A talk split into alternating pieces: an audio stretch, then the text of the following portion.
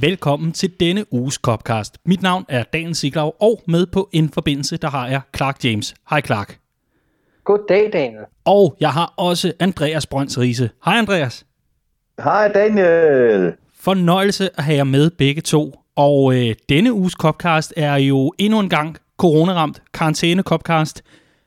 Men det skal jo ikke afholde os fra at diskutere noget bold og alt det, der øh, omhandler det der med, at vi ikke må se bold lige for tiden. For der er jo, som øh, bekendt, hvis man har levet under en sten, så er der altså lige en global pandemi, der står i vejen for, øh, for Liverpools øh, mesterskab her. Så øh, indtil da, der sender vi alligevel, vi sender øh, fra hver vores øh, lokation, og jeg skal starte med at høre dig, Andreas. Hvor har vi dig med fra i dag? Vi har mig med fra øh, Københavns Nordvestkvarter. Jeg har, øh, har forladt det spændende, spændende udkants Danmark og er taget hjem til, øh, til den mørke lejlighed i, øh, i, i hovedstaden for et smut. Godt så. Og øh, har du øh, formået at holde dig væk fra, øh, fra blandt de efterhånden 100 steder, som Rigspolitiet holder øje med? Øh, ja, det går, øh, det går faktisk ganske udmærket med at, med at gøre det, synes jeg. Øh, der er, øh, det er primært uh, Uderslev Mose, jeg jo går mine, mine ture i, og der, uh, der, er, der er mange mennesker, men de bevæger sig alle sammen, så det der opholdsforbud vil jo ikke have så stor effekt der. Og det leder mig faktisk hen på, at øh, du, Clark, øh, dig og Uderslev Mose, det er jo øh, en, en skøn kombination. Ja, det er det da. Hvad, hvad er der med dig og den mose? Jamen, det ved jeg da ikke. Kan du ikke fortælle mig det? Nej, men jeg, jeg tror, vi var ude i, i det her med de, de skønne skribentfester og ja. Nå, mm. på den måde. Jo, jo, jo, det er klart. Jamen, vi har jo øh, vi har jo sådan en tradition hvert år, hvor vi holder en, øh, en skribentfest øh, hjemme hos den gode Andreas. Nemlig omkring Uderslev Mose. Der, øh, der plejer vi altid lige at slutte af med en lille gåtur ned til mosen og lige se solopgangen og for dem, der ligesom har holdt ved så længe. Mm. Og hvad, ja. hvad kan man lave udover at drikke og, og stå og beundre sådan en, øh, en soloforgang? Man kan jo, man kan jo tale med, med de herlige frivillige skribenter, vi har ombord, eller man kan smide dem over bord. Øh. hvad mener du med lidt, det? Hvad mener det er sådan du? lidt, hvad man er, hvad man er i humør til i, i det gældende moment. Men altså, øh, nej, der er jo, der er jo florerer jo en fuldstændig sindssyg historie ja. om øh, en af vores skribent kom sammen, og hvor at, øh, hvor jeg angiveligt skulle have smidt en af vores skribenter i Uderslev Mose, og det er fuldstændig korrekt. Altså det, det gjorde jeg klokken kvart i fem om morgenen, øh, og øh, jeg vil ikke sige, at jeg er stolt af det, men det gjorde jeg altså. men, men, men, men øh, altså, lejen stoppede jo, mens den var god, fordi øh, du fik jo et, hov, hov, stop, stop. Hvornår var det, du fik stop? Det var da jeg var ved at, øh, øh, efter at jeg havde smidt den første skribent i søen, var jeg ved at smide den næste skribent øh, i søen også, eller i mosen. Øh, det fik jeg så ikke lov til, øh, og valgte så derefter at vende om og køre hjem. Altså White Russians øh, kan slå en hver mand ud af, ud af fatning, vil jeg sige. Så, men, men, men øh, godt så, så fik vi ligesom det på plads, og, øh, og du er ikke i nærheden af Uderslev Mose, vel Clark? Nej, det er ikke heller ikke i nærheden af nogen White Russians, så øh, alt godt. Nej, men det er jo heller ikke tirsdag nu, så øh, det er det. Det, det giver rigtig god mening. Vi, øh, vi optager denne øh, Copcast, det gør vi mandag den 27. april, og klokken den er gået hen og er blevet øh, lidt over fire. Sådan en, øh, en køn mandag eftermiddag. Vi har et øh, program, der... Det, øh? Det, det skal måske lige siges øh, for at afslutte den her, Daniel, at, ja. at den kære skribent øh, jo ikke led overlast på nogen måde og, og lånte noget af mit tøj, øh, mens han eget tørrede. Og det var et smukt syn, eftersom at han er størrelse har vi Elliot, og jeg er størrelse Jan Mølby. øh, men øh, alt, alt endte godt. Og, og hvis jeg ikke har fået det sagt, så, øh, så, så undskyld Christian Nordenskjold. øh, her små tre år senere, det er sin plads. Så. men, men, øh, og den sidste, absolut sidste øh, krølle på halen her, Clark, det er, kan du huske, for et par udsendelser siden, der, der gik du jo fuldstændig i, i, i, i spagat, og, og det gik jo helt galt for dig i udsendelsen, øh, i og med, at du jo var vidne til noget ude for dit vindue. Ja. Ja, du var vidne til, til et, et gevaldigt styrt. Jamen, og grunden til, at det, det satte lidt spor i mig, det er jo faktisk for lige at jeg netop sætte krøllen på den her mm. historie, det er, at på vej hjem fra denne her øh, skribentfrokost, på vej hjem fra Uderslev Mose, der i selv samme sving, som denne her cyklist falder i, øh, hvis man går et par Copcast episoder tilbage, øh, ud foran mit vindue, jamen der skrider jeg faktisk selv i det sving lige ind i busken, Oh. øh, og kroner en formidabel verdensklasse aften. Ej, hvor var jeg stolt af mig selv. Ej, det var sgu god den aften. Ja. Fremragende. Fremragende, fremragende.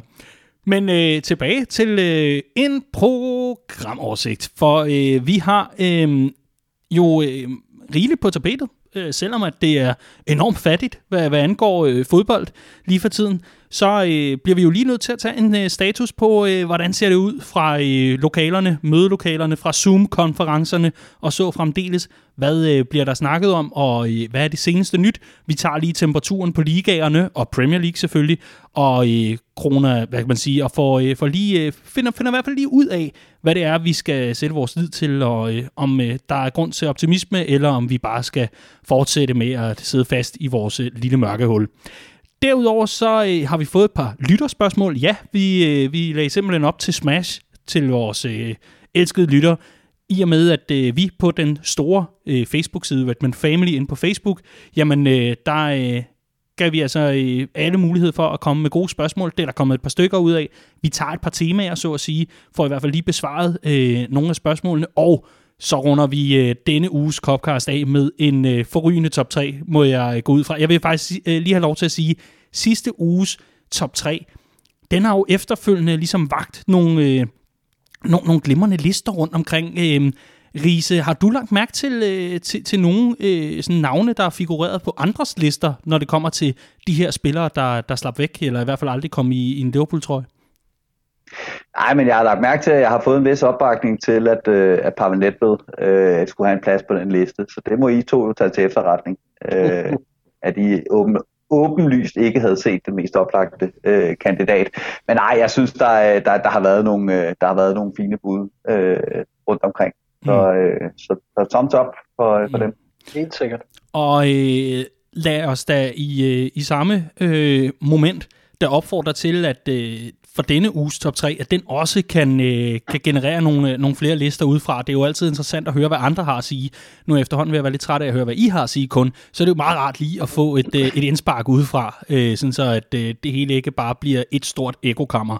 Men vi bliver jo nødt til det alligevel. Og øh, er der nogen af jer, der har lyst til at, sådan at løfte sløret for denne uges top 3? Mm. Jamen det kan jeg godt. Det er jo mig, der, øh, der, der står for den i, i den her uge. Øh, når vi når til det punkt i programmet, så, øh, så synes jeg, at vi skal, øh, vi skal kigge lidt tilbage, forstået på den måde, at nu har vi en, en manager, når fodbolden ruller, der har haft lidt af et gyldent øje, både på transfermarkedet, men også til at udvikle de spillere, han overtog i Liverpool. Der har været meget få øh, fejlskud de spillere, der er hentet ind, og stort set alle har været i en fremragende udvikling. Men sådan har det jo ikke altid været. Så, øh, så i den her uges top 3, der vil jeg gerne have jeres øh, bud på spillere, hvor man tænkte, det skal nok blive godt, og så blev det bare slet ikke. Og det kan både være spillere, som blev hentet til, men altså også spillere, som gjorde det godt i Liverpool i en periode, men så af forskellige årsager lige pludselig ikke gjorde det så godt, og hvor man forsvarede dem med næb og klør og kaldte dem overhovedet ikke færdige nu, men det var de.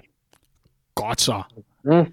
Er det, er det en form for, hvad kan man kalde det, potbait, eller, eller hvad kan man kalde det? Det er i hvert fald, du gætter aldrig, hvem Riese har som toer. Yes, yes, lige præcis. Stærkt. Og Og, men øh, mega svært gæt. godt så. Men, men øh, jeg, jeg glæder mig til at høre, hvad, øh, hvad du har fået tastet ind på din teleprompter, øh, når vi når dertil. Yes, det skal blive interessant. Men først og fremmest, så skal vi jo selvfølgelig lige have taget temperaturen, og øh, her er der altså hverken tale om øh, podning eller noget som helst andet øh, coronagejl. Der er tale om øh, tage temperaturen på øh, Premier League og på muligheden for at se Liverpool løfte det her mesterskabstrofæ. Jeg tror efterhånden, at øh, de fleste ligesom har øh, affundet sig med øh, på den ene eller anden måde, at der er en pandemi, og der derfor er ventetid, men øh, ikke desto mindre bliver vi jo lige nødt til at finde ud af, hvad kan vi forvente os. Og øh, ja, altså, øh, bolden er jeres, har jeg, lige, har i hvert fald lyst til at sige, for øh, i sidste uge, der, øh, der talte vi lidt om, at der var nogle møder i UEFA og, og så fremdeles. Er der nogen, der har lyst til at ligesom, øh, åbne ballet, og så kan vi ellers øh, supplere derfra? Jamen, øh, jeg kan godt indlede, altså, der er ikke så meget nyt fra de her møder, øh, ud fra hvad jeg har orienteret mig, andet mm. end at, at tingene har ligesom stadig kurs mod, at, øh, eller intentionen er stadig fra øh, de engelske klubber om at færdigspille øh, sæsonen, når, øh, når der altså er altså mulighed for det, og den dato, der er sat som skæringsdato indtil nu, for hvornår der er mulighed for at genoptage noget, der ligner fodbold igen i England, hedder stadig den 8. juni, øh, som vi også hørte det i, øh, i, i sidste uge. Men, øh, men det, der er interessant for den seneste uge, øh, fra, fra, fra den øh, nyhedsstrøm, jeg ligesom har fulgt i hvert fald, det er øh, de her afgørelser for, hvad der skal ske i nogle af de andre ligaer rundt om i Europa. Og øh, her er det især med tanke på den tyske, den italienske og den hollandske liga. De verdicts, der ligesom er kommet frem derfra, fortæller rigtig godt øh, en historie om, at det her det er en situation, som ingen er vant til at stå i, øh, mm. og, og ikke har stået i før fordi det går lidt i øst og vest, og øh, vi ser Bundesliga-sæsonen, som øh, det jo er blevet vedtaget nu, er, øh, er på vej til at blive genoptaget her den 9. maj, hvis jeg ikke husker helt forkert. Øh, holdene er allerede tilbage i træning. Øh, der er lavet øh, aftaler for, hvordan de her kampe skal afvikles, afvikles bag lukkede døre i både den, den øverste og den næstøverste række, øh, med øh, et, et helt præcist antal, altså et maksantal på mellem 2 og 300, mener jeg, øh, mennesker. Et helt præcist antal for både den øverste og den, øh, og den næstøverste række, altså første og anden Bundesliga, for hvor mange der må være til stede til sådan en kampafvikling. Øhm, og, og, øh, og, og der er altså helt konkrete planer for, hvornår det starter op, mens man i Italien øh, gør klar til, at man midt i maj øh, kan genoptage træningen, og altså øh, øh, forhåbentlig kan øh, genoptage sæsonen 2019-20 i juni. Det er dog fuldstændig modsat af, hvad der er sket i Holland hvor at man simpelthen har valgt at annullere sæsonen. Altså det her skrækscenarie for os Liverpool-fans, øh, hvis det skulle ske i England. Øh, man har hverken fundet oprykker eller nedrykker, og man har øh, heller ikke kåret mester. Man har simpelthen valgt at mm. glemme alt om den sæson, der nogle gange har været. Og det er endda på trods af, at man så i, øh, i blandet i den næst øverste række, at der var øh, det, det øverste hold ført med 11 point og var fuldstændig fri til oprykningen med, med knap så mange kampe igen, så har man altså valgt at sige, at øh, der er ikke nogen, der rykker op. Ja. Og det er jo det, der starter, det vi har talt om. Der bliver et helvede på jord i, øh, i de her domstole øh, i forhold til retssager og alt muligt andet sagsanlæg. Men tusind tak for at sparke den i gang, Clark. Det var, øh, det var en, en fornem gennemgang. Og øh, du havde fuldstændig ret i forhold til øh, det her med den 9. maj, at øh, de tyske klubber ligesom er ude at sige, jamen, øh, øh, I giver grønt lys, så er vi ellers klar til at køre Bundesligaen videre. Øhm, Interessant er det jo også, at øh, fra de her UEFA-møder, øh, eksekutivmøderne, som har været, og, øh, og, og så fremdeles, der har altså været øh, en opfordring til, at man øh, øh, holder sig fra at annullere sæsonerne helt, som du også er inde på, Clark, at øh, hollænderne i hvert fald havde sind at gøre, jamen øh, at man i stedet for øh, ville sørge for, at det var sportslig merit, øh, så at sige, der skulle afgøre øh, de endelige øh, placeringer til øh, klubberne rundt omkring i, i ligaerne. Der er altså stadigvæk øh, fra UEFA's side øh, enorm stor vilje til, at man skal afvikle de her sæsoner, sådan så at øh, man kan få sat en krølle på halen, sådan så man kan få sat et punktum, og så ligesom rykke øh, forstå mig ret, videre i teksten, så man kan, mm. øh, så man kan forberede den, den nye og de nye sæsoner. Riese, når vi er ude i det her med øh, annullering, afvikling, øh, sportslig merit osv., så er vi jo også inde på et uh, territorie, der er uh, enormt meget med moral og etik osv. Hvad, hvad, hvad, hvad, hvad synes du, at debatterne har båret præg af her på det seneste, når det kommer til, til netop uh, det her med, at man skal på en eller anden måde finde ud af, hvordan man, uh, man får afviklet fodbolden? Jamen, jeg tror i hvert fald, at der fra UEFA's side lægges utrolig meget vægt på, at plan A er at få afviklet de her ligaer. Øh, og det hænger blandt andet sammen med, at UEFA jo koordinerer sådan et, et øh, internationalt transfermarked og kontrakterne, der udløber her den 30. juni osv. Og hvis ikke man, man holder så nogenlunde stringent øh, i, i diverse ligaer til at få afviklet sådan nogenlunde ensartet, så kan det blive et rigtig stort råd at få, øh, at få, øh, få tingene til at falde på plads. Og så har der netop været den her, øh, den her udmelding fra UEFA, der hedder, at det skal være de sportslige meritter i 1920-sæsonen, der afgør, hvem der får adgang til øh, de europæiske turneringer i næste sæson. Og det er jo grundlæggende sådan, at, at hvert land har nogle, øh, nogle pladser i de europæiske turneringer, og hvordan de fordeler dem, det bestemmer de egentlig selv, de enkelte fodboldforbund. Det er jo blandt andet derfor, at begge pokalturneringer i England giver en, en UEFA Cup-plads. Det gør de ikke i så mange andre øh, lande, der måtte have to øh, pokalturneringer. Men det er simpelthen øh, ligaerne selv, der bestemmer det. Øhm, men der har UEFA jo så ligesom været ude at sige, at det skal være de sportslige meritter fra 1920-sæsonen, der, der afgør, øh, øh, hvem der får adgang til, øh, til øh, turneringerne i næste sæson. Og det hænger jo blandt andet sammen med en situation, vi ser i England, hvor hvis man annullerer den her sæson og siger, at det, er, den er aldrig sket, det er bare som det var i sidste sæson, så står Tottenham til at ryge i Champions League. Ikke? Det her øh, mm. Mourinho-nedsmeltnings Tottenham, der står til at blive flugtet fra hinanden, når, når transfervinduet mm. i gang åbner, og det er fuldstændig tåbeligt, hvis de skal spille Champions League i næste sæson. Men den er også blevet skåret for hårdt i nogle nyhedsartikler, jeg har set. Der har man, øh, der har man ligesom udlagt det som, at UEFA har sagt, at, øh, at hvis ikke sæsonen skal spilles færdig, jamen så skal øh, den nuværende stilling blive stående øh, hvilket jo vil kåre Liverpool som mestre, hvis det Gud forbyde det skulle ske i, i England, at man ikke kan spille færdig. Det er ikke helt det, UEFA siger. De siger, at de, øh, de vil holde stærkt øje med de ligaer, der ikke bliver spillet færdig, hvordan de her UEFA Cup-pladser øh, eller UEFA øh, turneringpladser bliver fordelt, og det skal foregå på en rimelig måde. Øh, man vil ikke se, at, at lande for eksempel udnytter situationen til at øh, at give nogle af de store klubber nogle fordele. Øh, bare sørge for, at det er stærkest mulige hold, man stiller i, i de europæiske turneringer næste år for at samle nogle, nogle UEFA-koefficientpoint. Men, men ja, der er ingen tvivl om på de udmeldinger, jeg hører fra, fra UEFA, at, at de har en meget, meget, meget stærk hierarki, der hedder plan A på sæsonerne spillet færdig. Plan B, så må man lade stillingen stå, finde en eller anden måde at, at færdiggøre det. Øh, på skrivebordet på en nogenlunde færre måde, og kun i allerste yderste nødstilfælde vil de, øh, vil de ser de, øh, at man simpelthen annullerer mm. øh, sæsonerne. Mm. Men det siger også sig selv, at, at landene er i så forskellige situationer. Ikke? Altså Belgien er, øh, er det land i Europa, så vidt jeg ved, hvor der er, der er flest smittede per indbygger. Et lille land, høj befolkningstæthed, alt det her. Så de kan jo ikke gå ind og, og decideret overrule, hvis det rent sundhedsmæssigt forsvarligt, øh, eller er jo sundhedsmæssigt uforsvarligt at spille sæsonen færdig i et land. Mm. Nej, og det, det er den ene ting, og den anden ting er også økonomien i de forskellige ligaer. Altså, yes. der, der, er en, der er en anden mulighed for hele den der ting, der skal gå op. Øh, i, I Belgien er prisen måske ikke så høj kontra det sundhedsfaglige, eller hvordan man skal formulere det, men og, og det samme i Holland, ikke? så det er nemmere at træffe en beslutning på baggrund af, okay, det her det ser ikke godt ud sundhedsmæssigt, vi øh, gør et eller andet. Mm. Hvorimod i, i England og i Spanien og i, i Italien og i Tyskland, hvor pengene bare er langt større, og, og det her retslige efterspil vil blive ganske uoverskueligt for rigtig, rigtig mange instanser, jamen der, der tænker man nok lige en ekstra gang, og der er fokus også bare så meget større for omverdenen, så det tror jeg også er en ting, der spiller ind. Ja, der kan man, som en lille, en lille krølle på det, kan man sige, bare en sådan ting som i Belgien, deres tv-aftale er der en force majeure-klausul, der gør, ja, at hvis, hvis, hvis man ikke kan spille sæsonen færdig på grund af uforudsete hændelser, så, øh, så, så er det bare sådan, det er. Det er simpelthen skrevet ind i kontrakten med, med, med de tv-rettighedshavere, øh, der har rettighederne til, til ligaen mens man i England har hørt om det her eksorbitante beløb, som de vil have til gode rettighedshaverne, mm. hvis ikke kampene bliver spillet.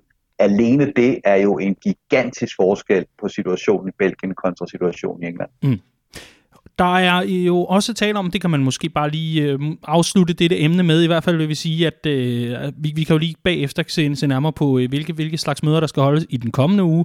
Altså, jeg har det lidt som om, jeg er med i en form for podcast for Jeffs nyhedsbrev, men lige meget. Det er øh, svært imod, at øh, UEFA øh, taler lidt om, eller man taler lidt om, at den måde med sportslig merit, bare lige for at få den, øh, den vinkel med, det er, at man, øh, der er nogen, der mener, at det er efter alt at dømme, der er andre, der mener, at det er en mulighed, det er et af værktøjerne, man, man kan hive frem, men det er, at man, man vil udregne det gennemsnitlige antal point per kamp. Simpelthen, øh, og så bagefter gange det med 38, øh, for eksempel i Premier League, der der jo er, ja, som bekendt, 38 spillerunder. Og så er det altså point per kamp gange 38, der kommer til at, øh, at vise den endelige slutstilling. Og det bliver hermed den sportslige merit. Det er i hvert fald et af værktøjerne. Og i, i så fald må man jo så sige, at øh, så ligger der jo en, en lille øh, favoritværdighed hos, hos Liverpool, hvis det er sådan et værktøj, man tager i brug. Ja, Men, man kan sige, at det, værktøj, det værktøj er primært øh, relevant for de ligaer, hvor holdene ikke har spillet lige mange kampe. Ikke? Det er jo en, en måde, som for eksempel i England, hvor mm. der er der er nogle mm. hold, der er en runde bagud. Øh, hvordan, hvordan afgør man, hvordan den runde ville være faldet ud? Jamen, mm. så tager man så point gennemsnittet. I de ligaer, hvor der er spillet lige mange runder, der siger det sig selv, at der bliver, liga, der bliver, der bliver øh, stilling bare stående. Ikke? Men de kampe, der mangler, jeg har et forslag. Jeg tænker, at man, øh, man spiller den 100 gange i Football Manager, og så øh, ja. ser man ligesom, øh, hvilke resultater der kommer flest gange af. Godt, det er det, vi kører med. Og så, øh, og så gør man ligesom med det. Men øh, spøj til side, vi skal bare lige forbi, at øh, nogle af de øh, møder, der bliver holdt i, øh, i den kommende uge, i hvert fald det, der er mest interessant, tror jeg, for de fleste, det er øh, på fredag, hvor der efter sine bliver holdt et møde i Premier League-regi, hvor man vil se nærmere på spillernes kontrakter og transfervinduet og få ryddet nogle af de her knaster, øh, for at få dem af, af vejen, sådan så at øh, man kan fokusere på genoptagelsen af øh, Premier League og, og meget andet. Og så er det øh, også øh, relevant og, og værd at, øh, at nævne, øh, der er mange, der refererer til en The Times artikel omkring, at øh, Premier League øh, ligesom øh, er i gang med at forberede sig på, at man kan øh, vende tilbage. Vi har nævnt 8. juni som et, øh, som et tidspunkt, men det er altså også fordi, at man er i gang i øh, regeringsregi nu, hvor Boris Johnson faktisk er tilbage øh, på pinden, efter at have haft en lille omgang corona. Det kan jo ske for selv den bedste, der glemmer at drikke øh, universalrens. Men at øh, man er i gang i øh, regeringskontorene med Project Restart. Øh, altså at man får genoptaget en masse ting her i blandt sport, og man har nedsat en øh, arbejdsgruppe, øh, der bliver ledt af en, øh, en fyr med fornavn David, øh, som er normalt sidder med, med cricket, og, øh, og så sidder der nogle, nogle flere andre i den her arbejdsgruppe og skal ligesom prøve at finde ud af, hvordan kan vi få, få genoptaget øh, sporten i England. Og øh, her er det altså øh, også nævnt øh, rundt omkring, at Premier League-klubberne vil få en form for preseason øh, på tre uger, så man ligesom lige kan komme tilbage til noget træning og lige få noget noget bold i stængerne og, og så fremdeles, og så kan man altså vende tilbage. Og det betyder blandt andet, øh, som øh, Eko også har været ude og skrive om i den forgangne uge, at øh, Liverpool kan komme tilbage til træning på Melwood i midten af maj, øh, i så fald, eftersom at det jo så vil lede op til den 8. juni, som er den her dato, man taler om. Ja, sikke en omgang. Ja, sikke en omgang. Ja, men øh, i hvert fald kan det lige nævnes, sidste kuriosum, at øh, man forventer at holde et endeligt møde den øh, 15. Maj, for at øh, finde planerne, eller få fastlægge planerne, hedder det, øh, i forhold til, hvornår man vender tilbage. Og lad det være det om, om det. Nej, sidste ting. Jeg tror, fordi jeg har frygtelig mange noter. Nu fik jeg lige vendt siden igen, fordi jeg har så mange noter til det her. Øh, sidste, sidste, sidste, sidste ting. Det er, ud udover at man prøver at finde ud af, kan man afvikle kampene på hjemmebanerne rundt omkring på de forskellige stadions i, øh, i England, Øhm, og hvis ikke, så bliver det neutral grund. Men at man øh, forventer, at øh, Premier League-kampe kan blive spillet mellem den 8. juni og, hold nu fast, den 27. juli. Altså l mm. juli. Så øh, 8. juni til 27. juli, øh, der kan der altså være øh, godt gang i Premier League, øh, mens man også vil afvikle FA Cup-kampe og, og så fremdeles. Kæft en sommer, altså. Det kan jo hurtigt blive rigtig sjovt. Ja, og hvis, hvis man må gå ud fra, at Champions League og den slags ting også skal afgøres, ikke? Så, mm. øh, så kan der godt blive, blive run på. Mm. Øh, og, det, og det skal lige tilføjes, hvis ikke du får gjort det, Daniel. Øh, men, men, men det er jo så selvfølgelig bag lukkede døre, man snakker om, at det her skal, skal spilles færdigt. Ikke? Ja, okay. Præcis. Jamen, så, så tror jeg, at jeg går ind og annullerer mit køb på DBA. Der var en gut, der prøvede at sælge nogle billetter i går. Så det, det, det lader jeg være med. Spøj til side, vi skal, vi skal væk fra alt det her... Øh, corona-hejs, øh, som jo selvfølgelig øh, fylder rigtig, rigtig meget. Og, øh, og tak for, øh, for analyserne, de her. Vi skal til et par øh, lytterspørgsmål. Mm-hmm. Det er alligevel øh, lidt tid siden, at øh, vi, vi har haft det kørende. Og lad det endelig være en øh, opfordring til, at øh, man griber chancen og, og griber pinden eller tastaturet, om man vil, og sender et par lytterspørgsmål ind til os. Det kan man gøre ind på Redman Families Facebook-side. Man kan også gøre det på Copcast Facebook-side og på Twitter og meget andet. Så skal vi prøve at forsøge at få samlet det op, som øh, vi nu engang øh, måtte, måtte øh, falde over. Og lad mig sige det sådan, at øh, der er rigtig mange, der rigtig gerne vil høre lidt om ham der, Mbappé. Hmm. Ja, du sidder og glukker lidt, knakker, og sidder og klukker lidt øh, over, over det. Men øh, Kylian Mbappé og situationen, vi står i og så videre, meget kan jo være forandret, når vi kommer ud på den anden side af det her. Lad mig, lad mig høre jer. Øh, fordi det er faktisk en, øh, en fyr, der går igen, og der har jo været nogle historier om, at Klopp har talt med Mbappés far, tror jeg vist nok, øh, om, omkring et, et eventuelt skifte, og, og så fremdeles meget, meget spekulativt. Men om ikke andet, Riese, øh, smid boksen for Mbappé. Jamen, det er fristende, ikke? Fordi hvis, hvis, hvis han er en spiller, som Liverpool på nogen som helst måder kan komme øh, i nærheden af, øh, så, så er det bare så sjældent, at der dukker et talent af den størrelse op i, øh, i fodboldverdenen. Øh, at, at han i så ung en alder er så fysisk veludviklet, er så taktisk klog, er så øh, skillful, som han er, er så vanvittig en afslutter. Det er simpelthen bare det, man, øh, man som regel kalder et, et tusindårstalent. Øh, og, og så har han jo oven i købet som udgangspunkt, hvis man kigger på det, øh, nu har han har været under øh, Tuchel i, øh, i, i PSG, øh, der har en gang imellem gået et rygte om, at han ikke er altid er en, er en fuldstændig vanvittig øh, holdspiller, øh, at han ikke altid øh, arbejder i holdets bedste. Den har jeg lidt svært ved at kende, vil jeg sige. Altså, han har ligget ude på, på, på kanten i det her stjernespækkede angreb, som de har i, i, i PSG. Gjort det glimrende der han er bare sådan en spiller, man selvfølgelig savler over at finde ud af, hvad ville der ske, hvis han kom i Jürgen Klopps kløer i, i Liverpool. Det er fuldstændig naturligt, at, at, at alle render rundt øh, og, og, og tænker den tanke. Og det er klart, der er kun blevet øh, kastet ekstra bål på de rygter i forbindelse med, at Liverpool overgår til Nike. Nike, der også har Mbappé's valg, og Nike, der elsker, når de tegner en kontrakt med en, øh, en, en ny klub, lige at sikre sig en, øh, en marquis-signing i, i form af en spiller, der også har Nike som personlig sponsor, øh, så der rigtig kan blive banket gang i, i trøjesalget. Det er fuldstændig øh, ja, 100% naturligt og åbenlyst, at der skal være gang i rygterne om Mbappé til, til Liverpool lige Clark, øh, du så klukket før, men øh, nu får du da mulighed for at sætte lidt ord på Mbappé til, øh, til Liverpool. Øhm, ja, jeg, jeg vil egentlig bare øh, sætte dig i gang, i stedet for at prøve at, at, at spore dig ned på et enkelt spørgsmål. Øh, dine tanker om en, øh, en spiller som ham? Øh, absolut drømmespiller. Øh, det match mellem øh, Kylian Mbappé, Liverpool i øh, holdets nuværende forfatning, og, øh, og Jürgen Klopp som manager, det kan jeg ikke, øh, det, jeg, fantasien øh, sætter kun grænser for, hvor, øh, hvor, hvor det kunne gå hen af. Øh, han er, som Andreas beskriver, øh, muligvis øh, et, et talent, vi kun kommer til at se øh, af den størrelse få gange i vores øh, levetid.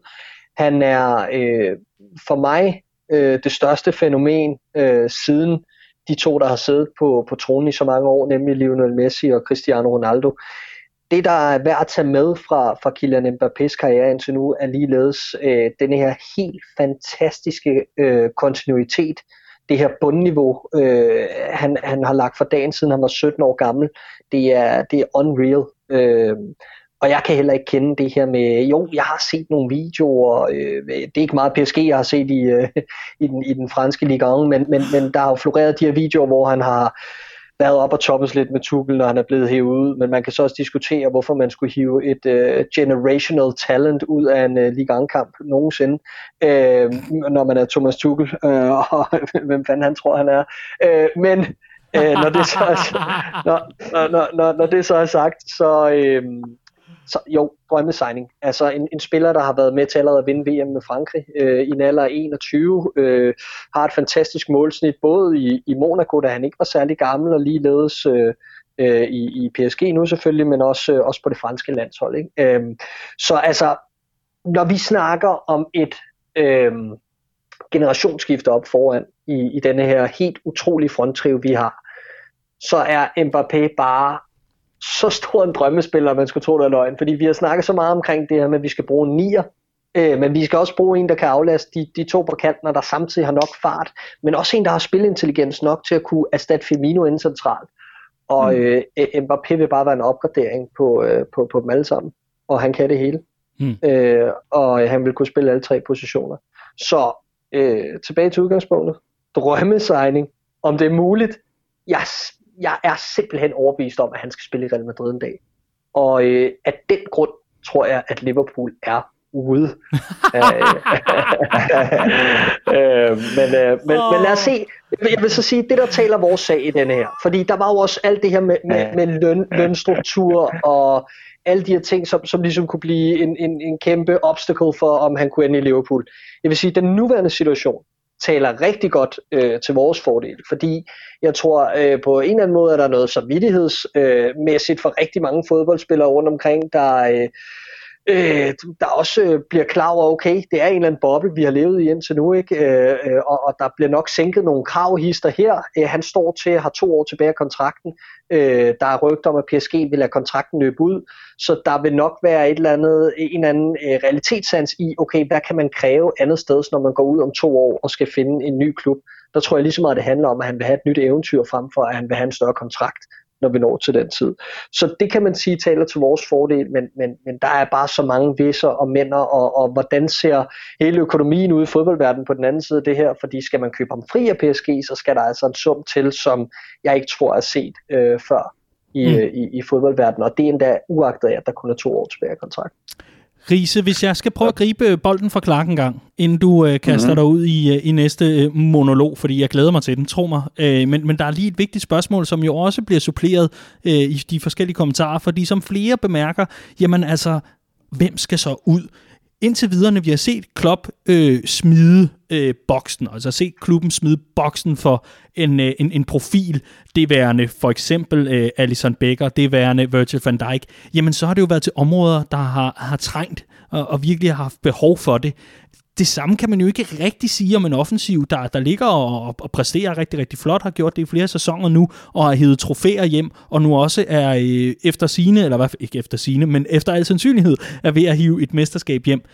Kan man på nogen måde hente en Mbappé til klubben, uden samtidig at sende for eksempel en Sadio Mane eller en Mohamed Salah afsted den anden vej?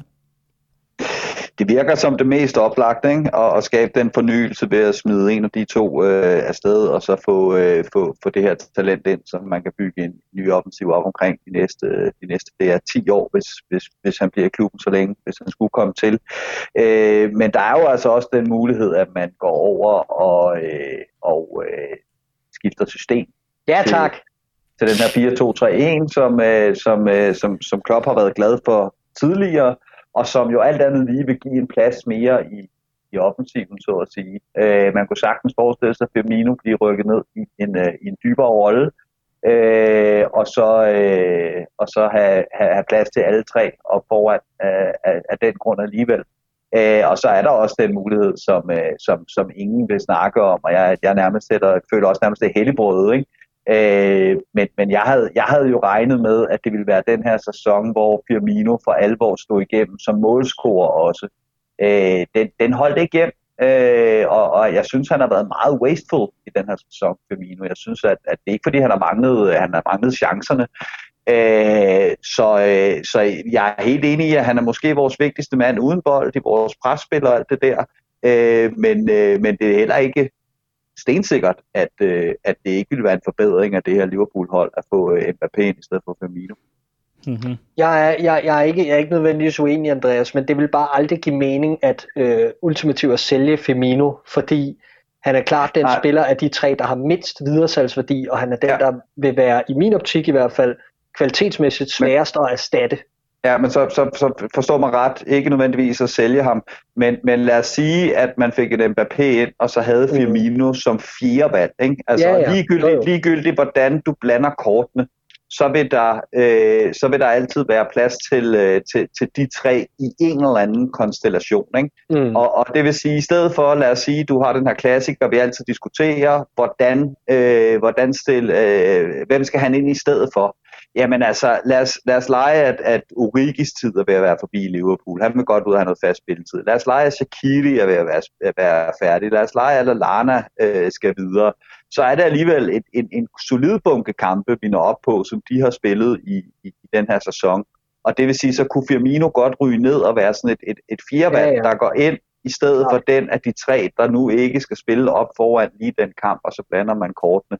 Så når, når vi er allerstærkeste opstilling, så er det ikke sikkert, at der er plads til, til Firmino, men han skal jo nok få sin, uh, sin 25-30 kamp per sæson af den grund alligevel. Mm. Jeg er, simpel, jeg er simpelthen ikke enig, men jeg kan godt se, hvad du mener, Andreas. Og øh, jeg, jeg har det sådan, at, at hvis man hentede Kylian Mbappé ind, så er der ikke nogen, der skal sælges. Øh, det skulle simpelthen være for de sparekroner, man nu engang havde valgt at beholde i lommen sidste sommer.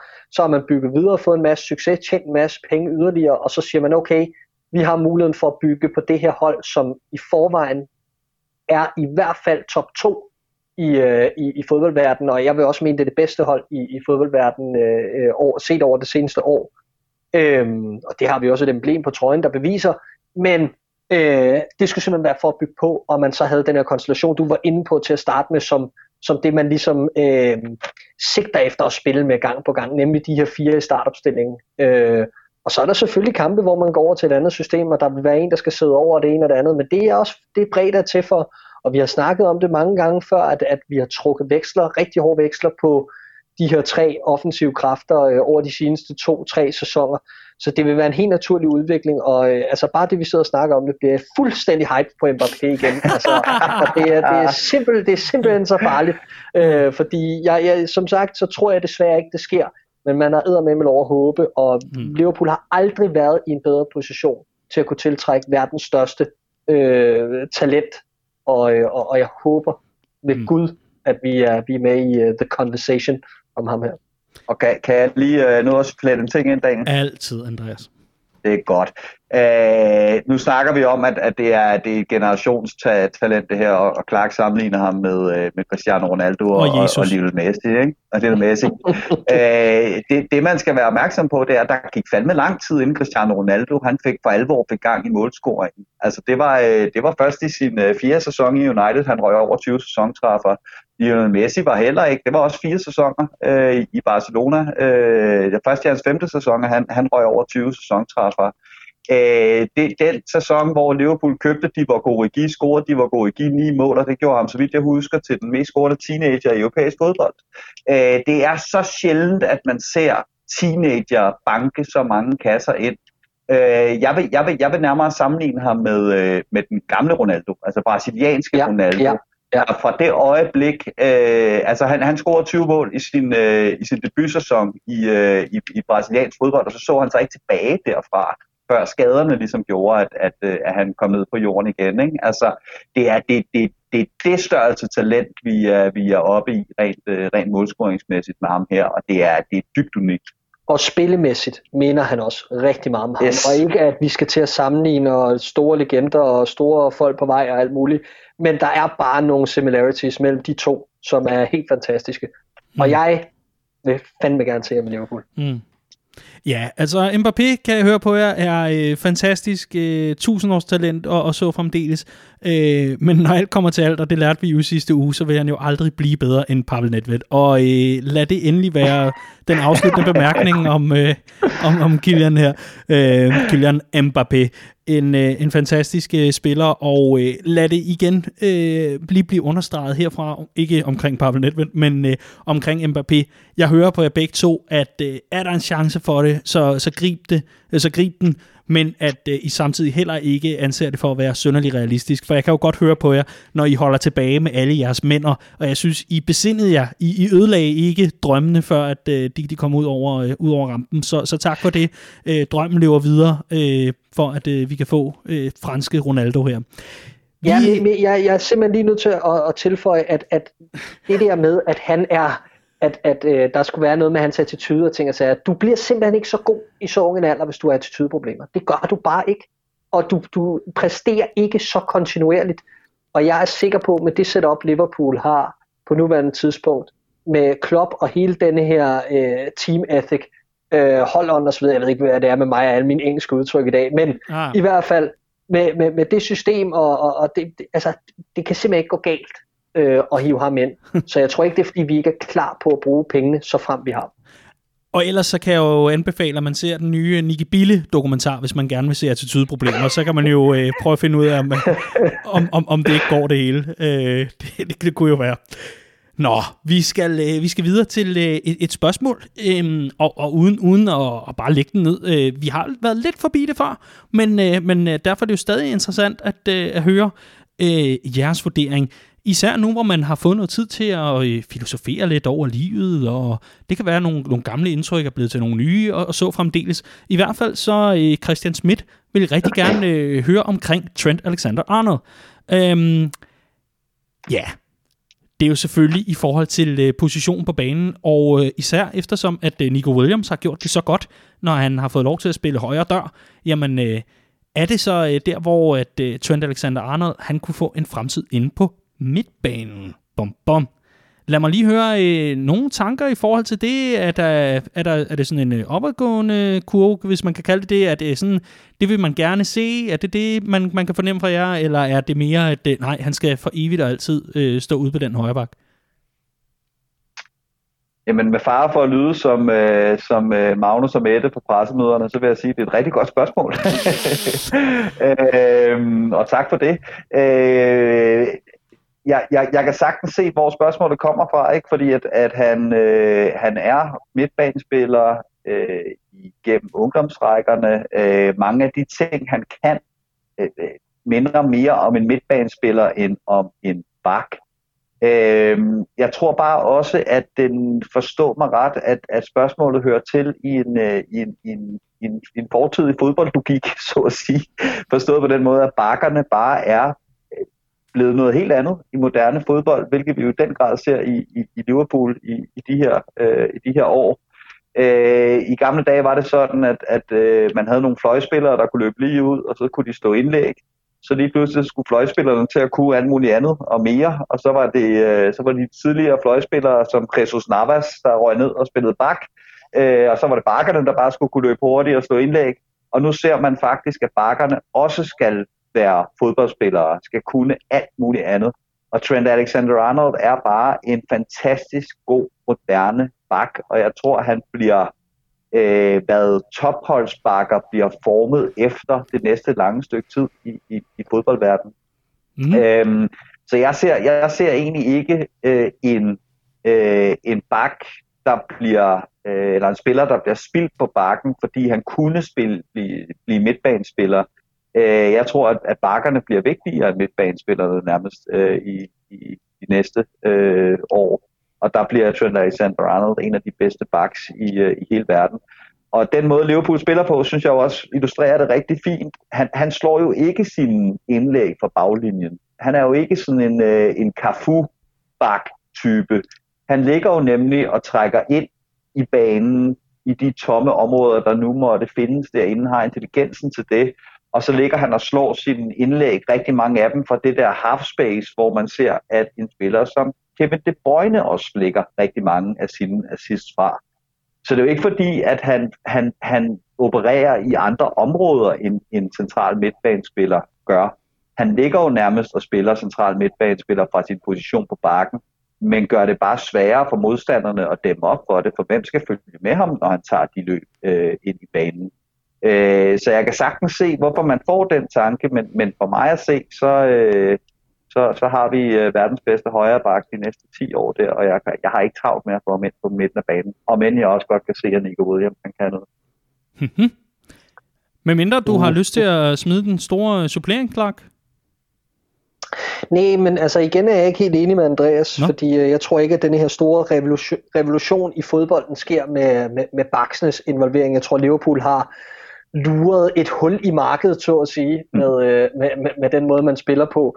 Og det tror jeg stille og roligt går i sig selv igen på et tidspunkt. Øhm, jeg tror, når Jordan Henderson og James Milners øh, tid i Liverpool er ved at være forbi, så skal, så skal øh, Trent Alexander-Arnold op og være den her indpisker, og, øh, og, og gøre brug af, at han har stået i skyggen af, af, af de, her, øh, de her glimrende lederfigurer i, i klubben spiller med enorm rutine og spiller, der besidder mange af de samme kvaliteter, som han gør. Øh, jeg mener, han har et langt højere loft end dem begge to, altså hans potentiale er langt større, hans kvaliteter er flere.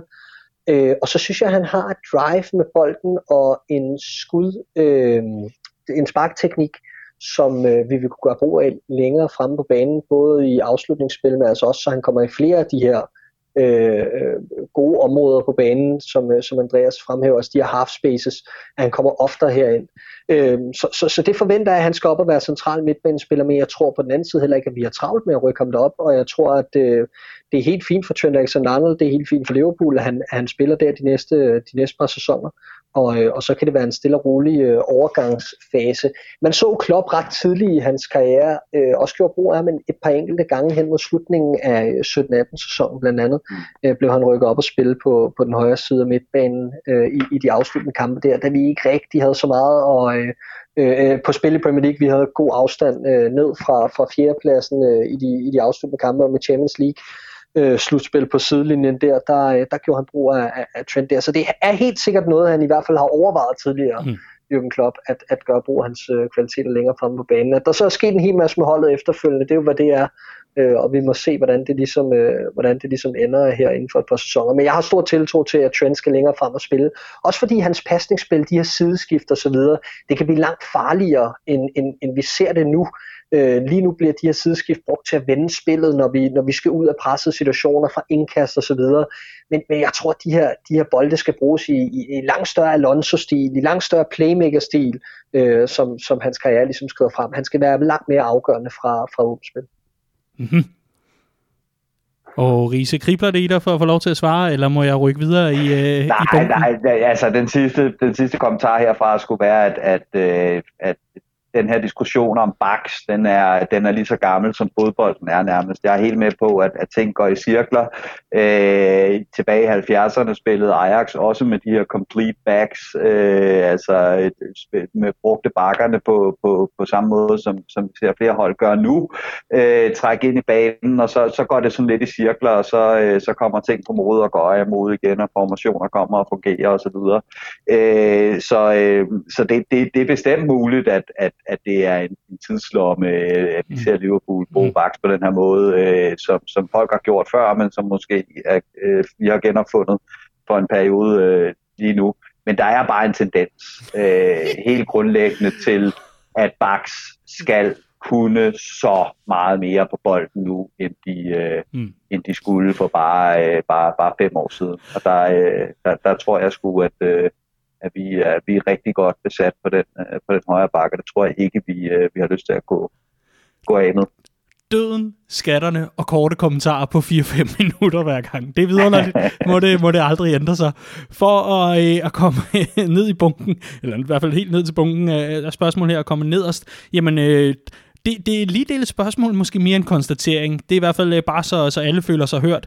Øh, Allan Møller Jørgensen, hvad gør vi, hvis sæsonen annulleres? Et sikkert mesterskab. Første i 30 år, dræbt af en virus. Jeg begynder at få hovedpine. Den hovedpine, jeg skulle have haft på grund af tømmermænd, efter verdens største fest og fejring, er det mesterskab, som alle ser som fortjent i denne sæson. Hold kæft, hvor jeg savner fodbold. Prik, prik, prik.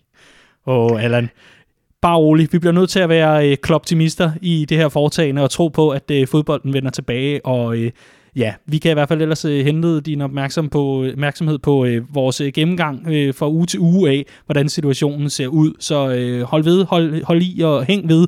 Øh, det skal nok øh, ende lykkeligt. Det, øh, det må i hvert fald være håbet herfra og, øh, og ellers så, øh, så laver vi noget fælles landesorg eller et eller andet. Det, Nej, men ellers, ellers så laver vi verdens største hævnkøb af Kylian Mbappé, og så vinder ja. vi de næste fem år i streg. Altså, det, det, sådan må det simpelthen være. Nej, øh, præcis. Så, øh, men, men, men altså, ja. håbet er lysegrønt, og øh, Allan, øh, bare rolig. Vi, øh, vi, vi ikke, altså, den fede dame har ikke sunget nu, så øh, der, der Ej, er rigeligt. Men, og, ja. og, og on a serious note, så som vi også har snakket om flere gange før, Øh, og vi snakkede også om det sidste år, da vi missede titlen til sidst. Forskellen på det her Liverpool-hold og alle de andre, som har været så tæt på titlen, intet skal tage noget fra, at det vil være fuldstændig ubærligt, øh, hvis det skulle være en global pandemi, der tog titlen fra sig og alt det her. Det er jeg helt med på.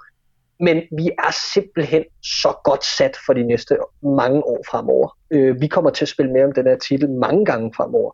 Øh, og, og det siger alt, at vi fører Premier League med det største forspring, nogen klub nogensinde har gjort. Øh, og, og, og det gør vi efter, ja, hvad har vi tilbage? Vi har ni kampe igen. Øh, det her Liverpool-hold er så langt foran de næstbedste lige nu, og der er så stor usikkerhed i mange af, af de her topklubber, vi konkurrerer med. Mm. Så, øh, så, så jeg er sikker på, at skulle det glippe, så vil sulten bare være endnu større øh, i, i den her Liverpool-trup. Mm. jeg har set momenter undervejs på den her rejse, som, skulle have, som sagtens skulle have knækket de her drenge. Øh, Kiev, øh, sidste års andenplads, øh, you name it, men de er bare blevet stærkere og stærkere og stærkere. Jeg tror mm. kun, øh, jo stærkere modstanden er, øh, jo stærkere slår vi tilbage. Det er det, øh, det, er det Klopps mantra ligesom er. Så øh, jeg er ikke bekymret for, selvom at det utænkelige skulle ske, at vi, øh, at vi kommer stærkere tilbage næste år. Mm. Sådan. og, øh, og ja, så øh, kan man jo sige, at øh, faktisk i dag, hvor vi sidder og op, optager, så er det seks år siden, øh, ja, det nærmest ubærlige skete, hvor, hvor Jared gled. Og hvad kan man sige, der er sket meget siden, og øh, her sidder vi, og det er en global pandemi, der står i vejen for vores mesterskab. Det er altså hverken et glat underlag eller noget andet. Så øh, lad, os, øh, lad os holde ved håbet, og lad os tro på, at det, det nok skal lade sig, lade sig give sig. Så er vi simpelthen nået til noget, jeg har opdaget både i min mail, og nu også kopieret ind, i, øh, ind under kommentarerne til øh, opslag omkring spørgsmål. Og det er fra Mike Løvqvist. Og det er altså ikke for at øh, ignorere dig, Mike, men øh, i, i, i det, du har sendt ind, der er der simpelthen 942.000 spørgsmål samlet. Og det er, det er simpelthen en, en, en udsendelse hver vil jeg nærmest mene. Det er nærmest en special, for det Mike rigtig gerne vil have svar på, det er meget omkring øh, omstrukturering og en mindre revolution af klubben. Hvordan ser fremtiden ud for den her, og hvad skal vi gøre med det her, og kan vi hente den og den ind, og så videre. Altså metaltræthed, naturlig fornyelse i truppen, og så fremdeles. Jeg vil rigtig gerne lade det være et, øh, en, en, en form for special, måske i næste uge, det vil jeg ikke love øh, lige nu, men, øh, men det er måske i næste uge, hvor vi simpelthen tager et blik på fremtidens Liverpool, og lige gennemgår sådan det, vi mener er mest presserende, og det vi måske kan forvente på den anden side af både pandemi og, øh, og jeg skal komme efter dig. Så Mike, tusind tak for de mange gode spørgsmål. Det øh, kunne sagtens blive et, et oplæg til en helt special i sig selv, hvor vi simpelthen ser nærmere øh, på fremtidens Liverpool. Er, er de her med på den? En kæmpe Kylian Mbappé special til mig. for helvede. jeg, jeg, ved, jeg ved, hvad der sker nu. Altså, eftersom at uh, Mette har givet dig din uh, Playstation tilbage, så skal du ind, og så skal du i gang med en gemmer, hvor, uh, hvor Kylian han ligger i en uh, ja, 4-2-3-1. Jeg skal simpelthen se, hvor mange mesterskaber jeg kan vinde på stribe med mm. Mbappé på toppen. Ja, det er du helt ret i. Ja, fuldstændig. Glimrende. Men tusind tak for alle de spørgsmålene, Mike, og øh, jeg vil simpelthen øh, kopiere dem over i et, et ark, og så laver vi en special, måske i næste uge, hvor vi øh, tager det som et tema af en art. Og så skal der lyde et stort tak til, øh, til alle, der har budt ind, og helt generelt til øh, alle de fine kommentarer og, øh, og spørgsmål, der er løbende. Vi er så glade for dem. Og især også skal der lige komme en uh, honorable mention til uh, Jimmy og Philip, der uge efter uge inde på Twitter simpelthen kommer med, med det, de mener har været højdepunkterne fra vores Copcast-udsendelser. Tusind tak for det, drenge. Vi bliver så glade hver evig eneste gang, uh, at uh, I sidder og, og giver den gas med, uh, hvad, hvad I synes var mest underholdende eller, eller særligt kløgtigt. Og tusind tak til alle andre også, der, der byder ind på, på den front. Det er sådan noget, der gør, at man, øh, man gider øh, at gøre det her, ikke? selvom at vi ikke kan være sammen om at optage. Absolut. Nå, Riese. Ja. Yeah. Topmeister 3000. Eller yes. top 3 meister måske. Skal vi kaste os ud i det? Så pyt. Lad os gøre det. Jamen godt. Jamen jeg fik lige ridset uh, kort op indledende, at det jo, uh, det jo simpelthen handler om, at uh, vi skal finde denne uges anti-Klopp top 3, fordi uh, Klopp han simpelthen har været så god til at købe de rigtige spillere og udvikle dem, han, uh, han havde i den helt rigtige retning. Nu skal vi kigge tilbage på de gode gamle dage, hvor det ikke var uh, tilfældet.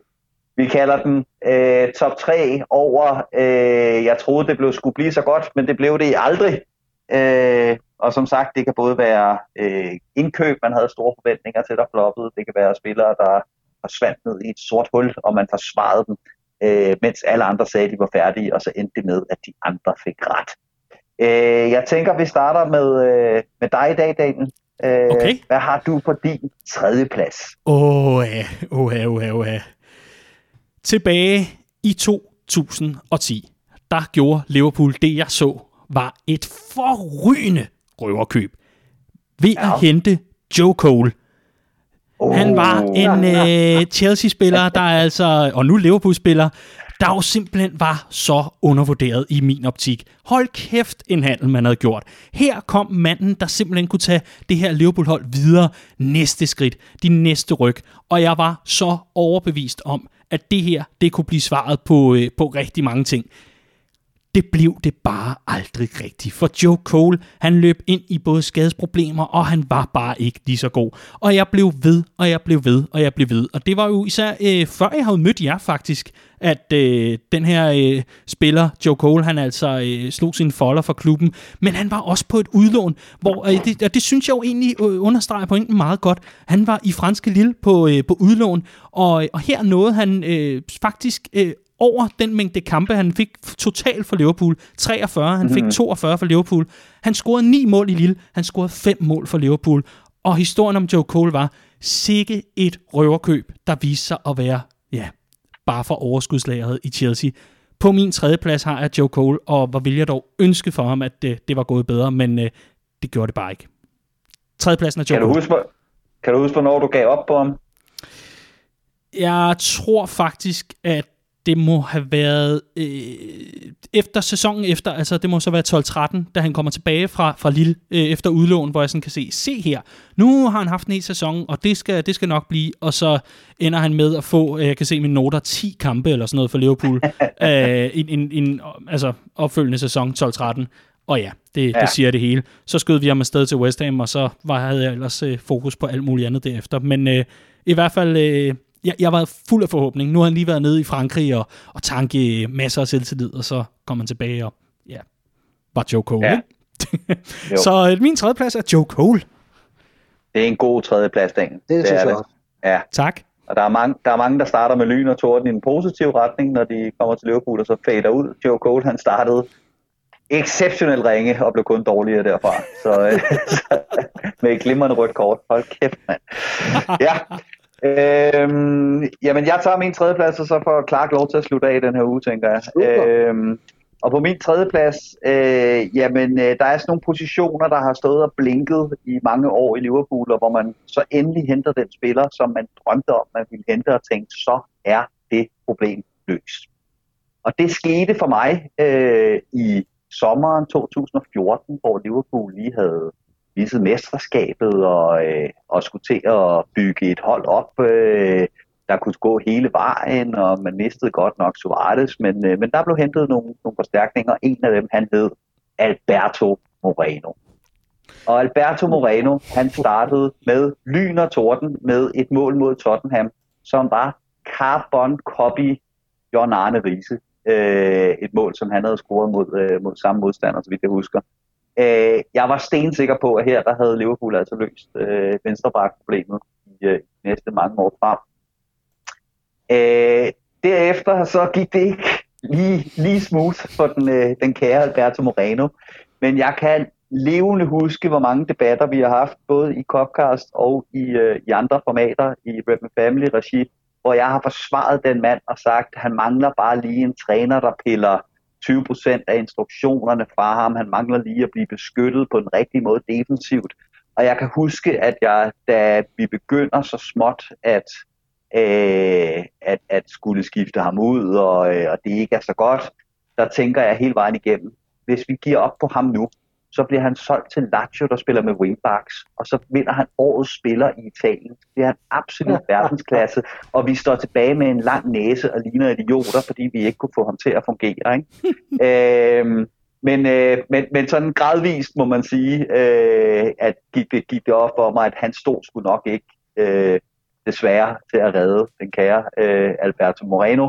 Øh, og selv da han fik det her, den her korte opblomstring under Klopp, hvor han kom tilbage på det spanske landshold, øh, der havde jeg sgu givet op på ham, og, øh, og han er nu taget videre til Villarreal med en Champions League guldmedalje om halsen, som jeg er glad på hans vegne over, øh, at han fik, men, øh, men, øh, men min, min, min store tiltro til, at han nok skulle få det vendt i Liverpool, den, øh, den gjorde han aldrig til skamme, må man, må man sige. Vildt nok, Andreas. Jeg var ikke klar over, at du havde været så, øh, at du havde været så Alberto Moreno-lover, som jeg du var, nogle gange har været. Jo, jo, jo, jo, jo. Jeg var, det, var, det var et drømmekøb for mig den, øh, den sommer. Øh, jeg synes virkelig, at han var spændende. Jeg synes, han var en moderne bak, der virkelig kunne noget øh, offensivt. Havde allerede vundet ting med Sevilla. Øh, så virkelig, virkelig, virkelig øh, spændende ud. Men øh, ja, hjernen, fodboldhjernen, den, øh, den manglede desværre, når man, øh, når man øh, lige pludselig står over for nogle lidt bedre modstandere på daglig basis i England, må man sige. Ja. Og Jamen, øh, glimrende tredjeplads. Interessant, interessante valg, vil jeg sige, øh, på jeres tredjepladser. Øh, jeg er jo lidt ældre end jer, og det øh, kan man godt mærke på mit valg. Øh, fordi jeg er den, der går længst tilbage i tiden på denne her. Øh, vi skal nemlig tilbage til år 2005, hvor øh, Liverpool er på udkig efter en øh, striker under Rafa Benitez. Og det er vi, fordi at Gibril Cissé hen over efterårssæsonen i øh, Benitez første sæson øh, altså er gået i stykker med et brækket ben, en rigtig ulækker skade. Øh, dem havde han et par stykker i løbet af karrieren i øvrigt. Øh, men i januar, der henter man altså et sandt scoop i Fernando Morientes. Yes. En rigtig favorit øh, hos undertegnet. Og øh, det, var ikke, det var ikke længe øh, før det her, at jeg, jeg sådan for alvor begyndte at følge med i, i, i Liverpools kampe. Og øh, jeg kan huske, at jeg sad faktisk og så, hvad jeg mener var hans debut mod Manchester United på hjemmebane. Øh, en kamp, som Liverpool taber 0-1. Dybt frustrerende. Og han lader simpelthen i chancer mod Jenses. Og det var bare lige ved og næsten at stolpe ud og, og jeg, jeg forelskede mig simpelthen øh, i, i Morientes i Liverpool allerede den dag, fordi jeg var sådan, det der, det skal nok blive godt, han kommer frem til det. Men, men det var jo det var regel nummer et, det der, det er jo, at, at ej for sat, det, det var bare sådan en, der var, der var dømt til at dø fra start af, desværre. Og øh, Morientes endte med at spille halvanden sæson i Liverpool, og det var netop historien om Morientes Liverpool-karriere. Det var lige ved næsten, og det var mangel på selvtillid og manglende skarphed i de afgørende momenter, og derfor endte han på 61 kampe, hvilket er et ganske øh, fornuftigt antal over den halvanden sæson, han altså var i klubben, øh, og blot 12 mål fra en, fra en spiller, der havde været så farlig for, for Real Madrid, og, øh, og i europæisk sammenhæng i, i mange år, der var det ikke, ikke ligefrem acceptabelt, han ender kun på 8 Premier League mål i 41 kampe. Ja. Ja, det var, øh, jeg kan tydeligt huske, at øh, at, øh, at man tænkte, yes, nu får vi, nu, nu får vi øh, Benitez-trækket, ikke? The Bull. Mm. Øh, fordi at øh, Ulies øh, gyldne øje for spillere var gået fuldstændig i stå, øh, efter han øh, ja, meget tragisk faldt om med det her hjerteanfald, øh, og ikke øh, længere kunne, kunne, kunne give så meget tid til scouting. Så det, var, det havde virkelig været slim pickings med ting, der var blevet hentet ind under Ulie øh, på det seneste, og så får vi Benitez, og der, der tænkte jeg, endelig er Liverpool tilbage på toppen. Det her, det er en reel verdensklasse angriber, vi får ind. Mm. Øh, og øh, og, og nu, nu, nu bliver det fandme godt, det her. Og jeg var også jeg var heartbroken over, at det blev så dårligt. Som det Og, og især med tanke på den, øh, det udlån, han havde hos, hos Monaco øh, året mm-hmm. forinden, hvor han havde været fuldstændig fantastisk. Øh, 22 træffer i 42 mm. kampe, og helt fantastisk i Champions League for det hold, der nåede finalen. Øh, men øh, ja, han skulle godt nok blive Champions League finalist igen, men han fik dog ikke lov at spille for Liverpool, da han havde spillet øh, i efteråret for Real Madrid, så vidt jeg husker. Lige øh, præcis. Men øh, ja, sådan er der så meget. Godt bud, Clark. Åh oh, ja. Det er nummer to. Ja, øh, og jeg vil også lige, øh, lige rose Clark for at være den ældste af os her. Øh, ja. i, i, I udsendelsen her, med, med sin tredjeplads i hvert fald. Dejligt, dejligt bud. Øh, jo tak. Ja, min anden plads, øh, dem der kender mig rigtig godt vil vide, hvem min første plads er, og så siger jeg ikke meget mere om det. Men øh, mm. min anden plads, der havde jeg lidt svært ved sådan at greje den, fordi hvordan, hvordan skal man øh, fortolke det her med, at, øh, at andre var lidt imod, og man selv holdt fast og så videre. Jeg kan bare lige få en kort note sige, en af dem, der faldt fra, uden at gå sådan risisk øh, langt væk fra, fra emnet, så havde Clark og jeg noget af en diskussion omkring Adam Lallana. Øh, jeg overvejede, mm. om han skulle ind og tage den anden plads, men jeg droppede det simpelthen, fordi at, øh, han har jo trods alt også haft en øh, forrygende sæson, og så har øh, skader og tempo, eller mangel på samme, ligesom øh, ødelagt det derfra. Så var jeg også lidt omkring nogle andre, men den jeg ligesom må sige, at øh, her, her havner jeg altså på en anden plads, og det er der en speciel grund til. Det er Loris Karius. Oh. Øhm, det kommer altså efter, øhm, at øh, jeg mener jo, at øh, man skal stole på Klopp, og det mener jeg meget hurtigt. Fordi i min tid som fan, der er det få øh, mennesker, der på den måde har stjålet mit hjerte så hurtigt. Det havde Jürgen Klopp altså også.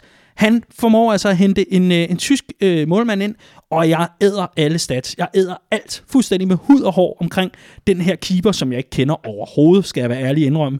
Det var noget af en overraskelse for mig, at det var det, der skulle øh, øh byde øh, Mignolet op til dans. Men i hvert fald Loris Karius, uskrevet blad for mig i hvert fald, for Mainz i Bundesligaen, og det så jo rigtig glimrende ud det er grunden til, at det blev lidt, at jeg stod alene med den, fordi jeg tror, vi var mange, der havde forhåbninger om, at øh, nu skulle Karius ind, øh, nu hvor Mignolet åbenbart havde brug for at tale med konen hver anden uge for at holde et nogenlunde anstændigt niveau. Jamen, grunden til, at jeg nævner Karius, det er, at jeg kan huske efterdønningerne af øh, Kiev og finalen. En fuldstændig hjerteskærende aften, både for Loris Karius, men så sandelig også for de millioner af Liverpool-fans øh, over hele verden. Og grunden til, at jeg nævner ham på min anden plads, det er, at jeg husker, at jeg var i så stedig et, et, et forsvar. Jeg var så splittet omkring det her, fordi jeg havde jo lyst til at ønske ham øh, derhen, hvor peberet gror. Men samtidig kunne jeg også mærke den der You'll Never Walk Alone og forsvaret for, for Karius, og det kan kun blive bedre. Det kunne det efter, især efter den aften. Men især det forsvar, jeg havde efterfølgende af ham, hvor han lægger videoer op fra LA, skudt med droner, og han spiser is, og jamen øh, Kiev, det der så mange år siden var, og det var altså bare nærmest i går, føltes det som om den her tragedie havde fundet sted. Men jeg holdt sådan fast i, at selvfølgelig skulle vi tro på ham. Kunne det være? Og så kan jeg huske, at mit hjerte bristede, og min tiltro bristede til ham, efter han bliver skiftet ind i en preseason kamp, og hvor man bare tænker, intet har forandret sig siden den aften i Kiev og det var der, jeg lod ham gå. Men indtil da, der kan jeg huske, at jeg prøvede vidderligt at forsvare ham med hud og hår, og jeg måtte bare give efter og sige, ja, det bliver sgu nok ikke bedre. Og jeg er simpelthen, vil jeg så sige, on a personal note, jeg er simpelthen så ked af det på den knæks vegne, øh, med, med det rejsesfulde ophold, han nu har fået i Tyrkiet, hvor de ikke vil betale ham hans løn, og jamen, bare i det hele taget, de ja. eftermæle, og den historie, der bare vil, for evigt vil, vil være en del af hans navn. Især når man tænker på os, altså nogle af de tyske keepere, der inden for de sidste i hvert fald 10 øh, plus moms, har været ude i nogle, øh, altså virkelig tragiske historie. Jeg var så bange for, at vi ville miste ham på den note også på et tidspunkt. Så i hvert fald min anden plads kom efter forsvaret af ham efter Kiev. Øh, det, det var trods alt stærkt nok til, at øh, det tog andenpladsen. Men, men der, er jo, der er jo to historier. Altså en ting er, at han er, han er også med på min boblerliste, øh, Daniel, ja. så, øh, så også et, et, et glimrende valg, synes jeg.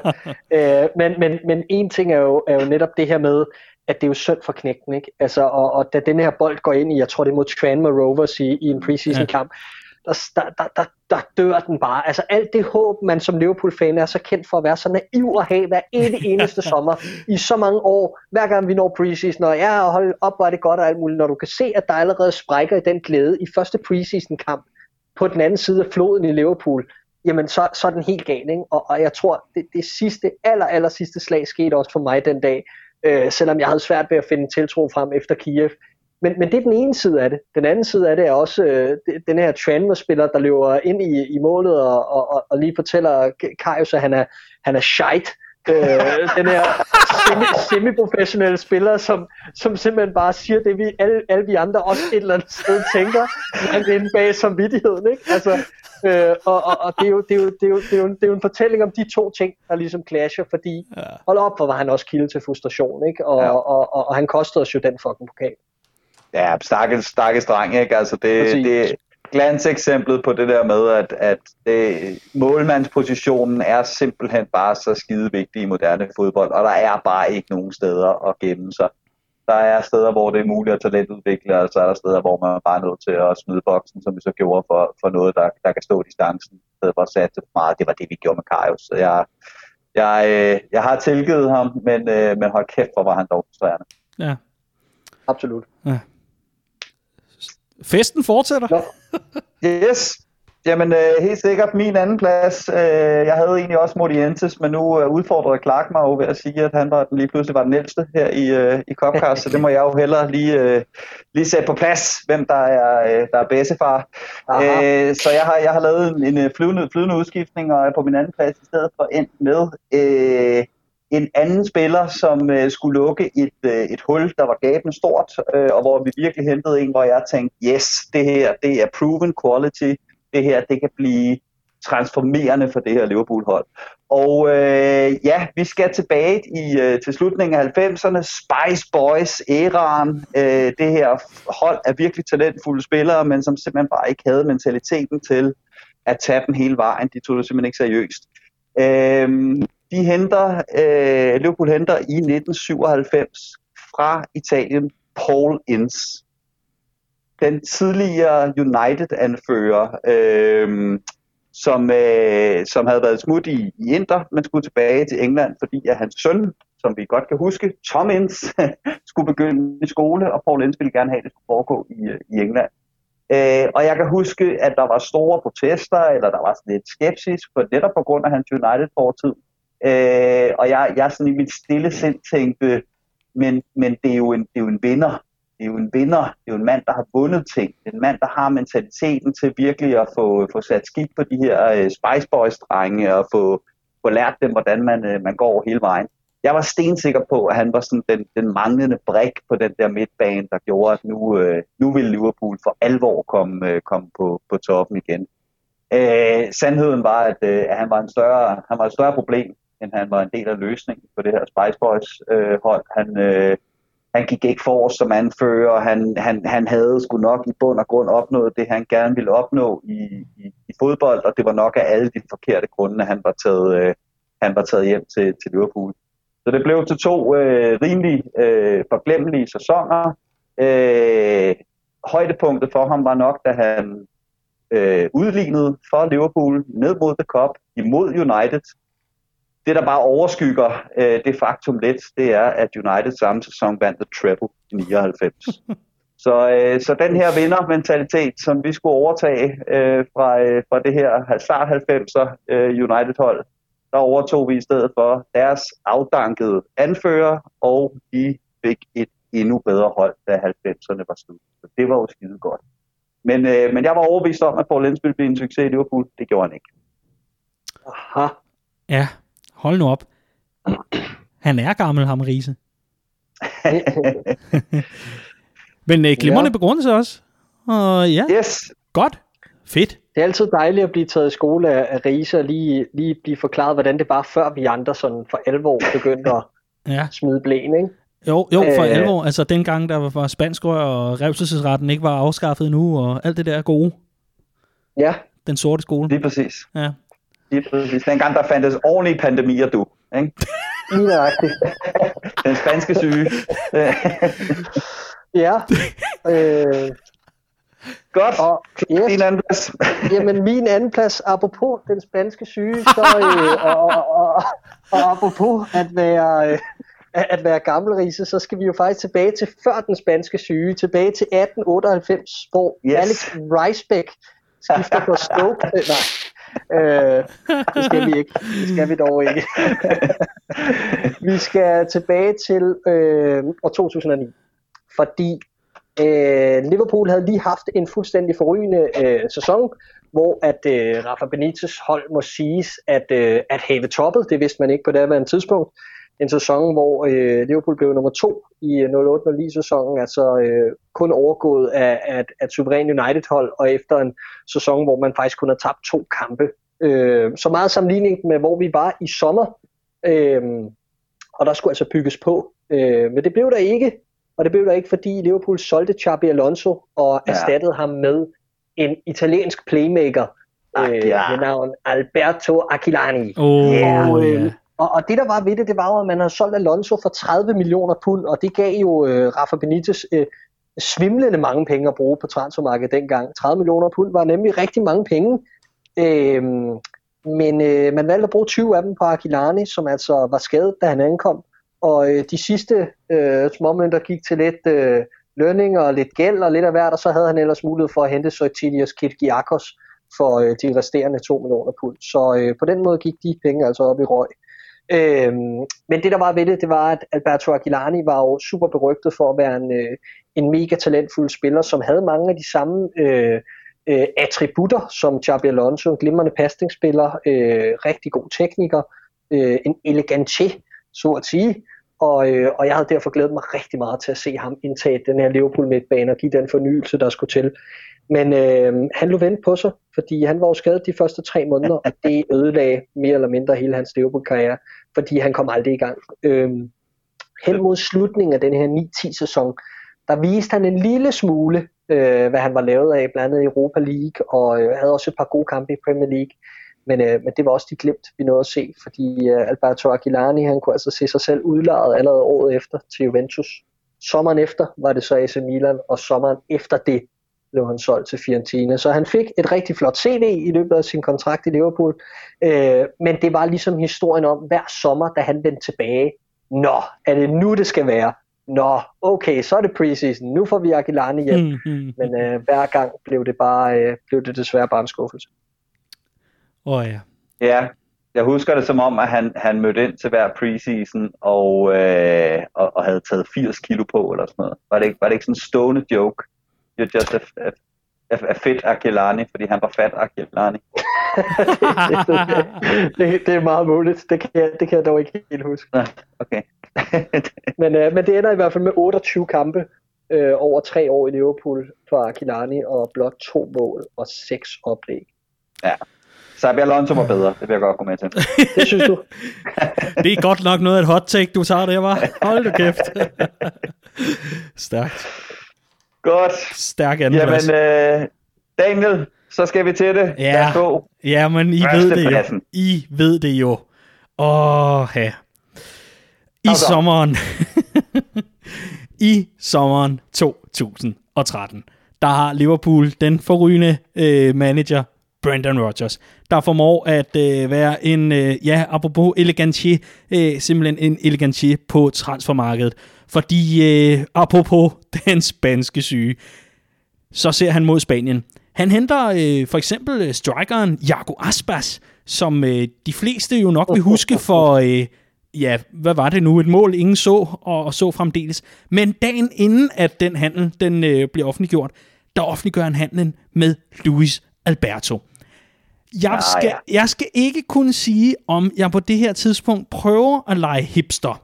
Men der er måske noget om snakken. I hvert fald efter at have set halvanden YouTube compilation, hvor man ja, eller noget lige klipper væk hver gang, at øh, bolden ryger ud over sidelinjen, så er jeg solgt. Her har Brendan Rodgers altså gjort et scoop. En spiller, der kommer fra Sevilla, og som har været udlånt til Barcelona Bummelum inden da, hvor han øh, for B-holdet, nu vel, altså Barcelona B, har vist, at han altså har noget klasse. 38 kampe, 11 mål, øh, vidner altså om, at øh, her er en spiller, som virkelig kan gøre det for Barcelona B. Han går direkte i hjertekuglen på mig, og jeg kan se så meget i, i ham. Han kan hurtigt udvikle sig til at blive en forrygende spiller for Liverpool. Øh, har, har, lidt, har lidt af det hele, og, og ligger især offensivt, øh, hvor han ligger og fordeler bolde. Jeg kunne virkelig se, hold nu op, her kunne han altså ligge og, og fordele bolde til, øh, til, til vores øh, forrygende strikers og vores hurtige wingers, og det, det kunne fandme blive godt. Men, men, men, for hver gang jeg prøvede at åbne munden omkring storheden vedrørende Luis Alberto, så blev jeg sat så eftertrykkeligt på plads af blandt andre Clark James og Andreas Brøns Riese, Michael Slytter og hvem der ellers var i min nærhed. Der var ingen, der kunne se storheden i den her handel. Tværtimod begyndte de at stå og synge, øh, jeg var lige ved at sige, hvad, øh, The Lion Sleeps Tonight, om en eller anden belgisk keeper, fordi han stod et straffespark i første runde. Og hver gang sagde jeg, ja, ja, men vent nu, Alberto, det bliver ham, vi kommer til at synge om og det gjorde vi bare aldrig rigtigt. For Luis Alberto, han blev en, et lille bitte, bitte komma i en sæson, der handlede langt mere om alle mulige andre. Jeg tror, langt de fleste husker måske snarere Victor Moses, øh, Alice Sissoko, John Flanagan bedre end Luis Alberto. Det er det altså oversete geni, som, øh, ja, jeg, jeg ved ikke rigtig, hvad, hvad jeg skal sige andet end, jeg blev ved, og jeg blev ved, og jeg blev ved med at tale hans sag, og jeg måtte jo bare konstatere, når alt kom til alt, og man kiggede over listen over målscorer for sæsonen, så havde både Mamadou Sakho, Joe Allen og John Flanagan scoret flere mål end Luis Alberto, der fik ni indskiftninger, og det var det. Jeg må øh, æde mine ord fra dengang og sige, ja, han blev aldrig rigtig god for Liverpool. Men, og det er jo her, det store mænd kommer ind, hold nu op, hvor han dog glimrende for Lazio. Apropos det, det der med, at man, apropos det der med, at man øh, siger, åh, se nu der, han bliver god for Lazio, som du nævnte tidligere, Riese.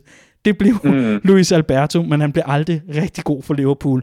Og øh, den dag i dag, så er det altså noget, som, øh, som bliver kastet lidt som en sviner fra det gamle slæng, jeg så fodbold med i ny og næ, hvis, hvis jeg kommer til at, øh, at være lidt for højrystet eller et eller andet, eller, eller prøve at og, ligesom lige markere en mening omkring en spiller, så kan man meget hurtigt høre fra de gamle øh, gutter, Luis Alberto, og så holder jeg ellers min kæft for, for resten af aftenen.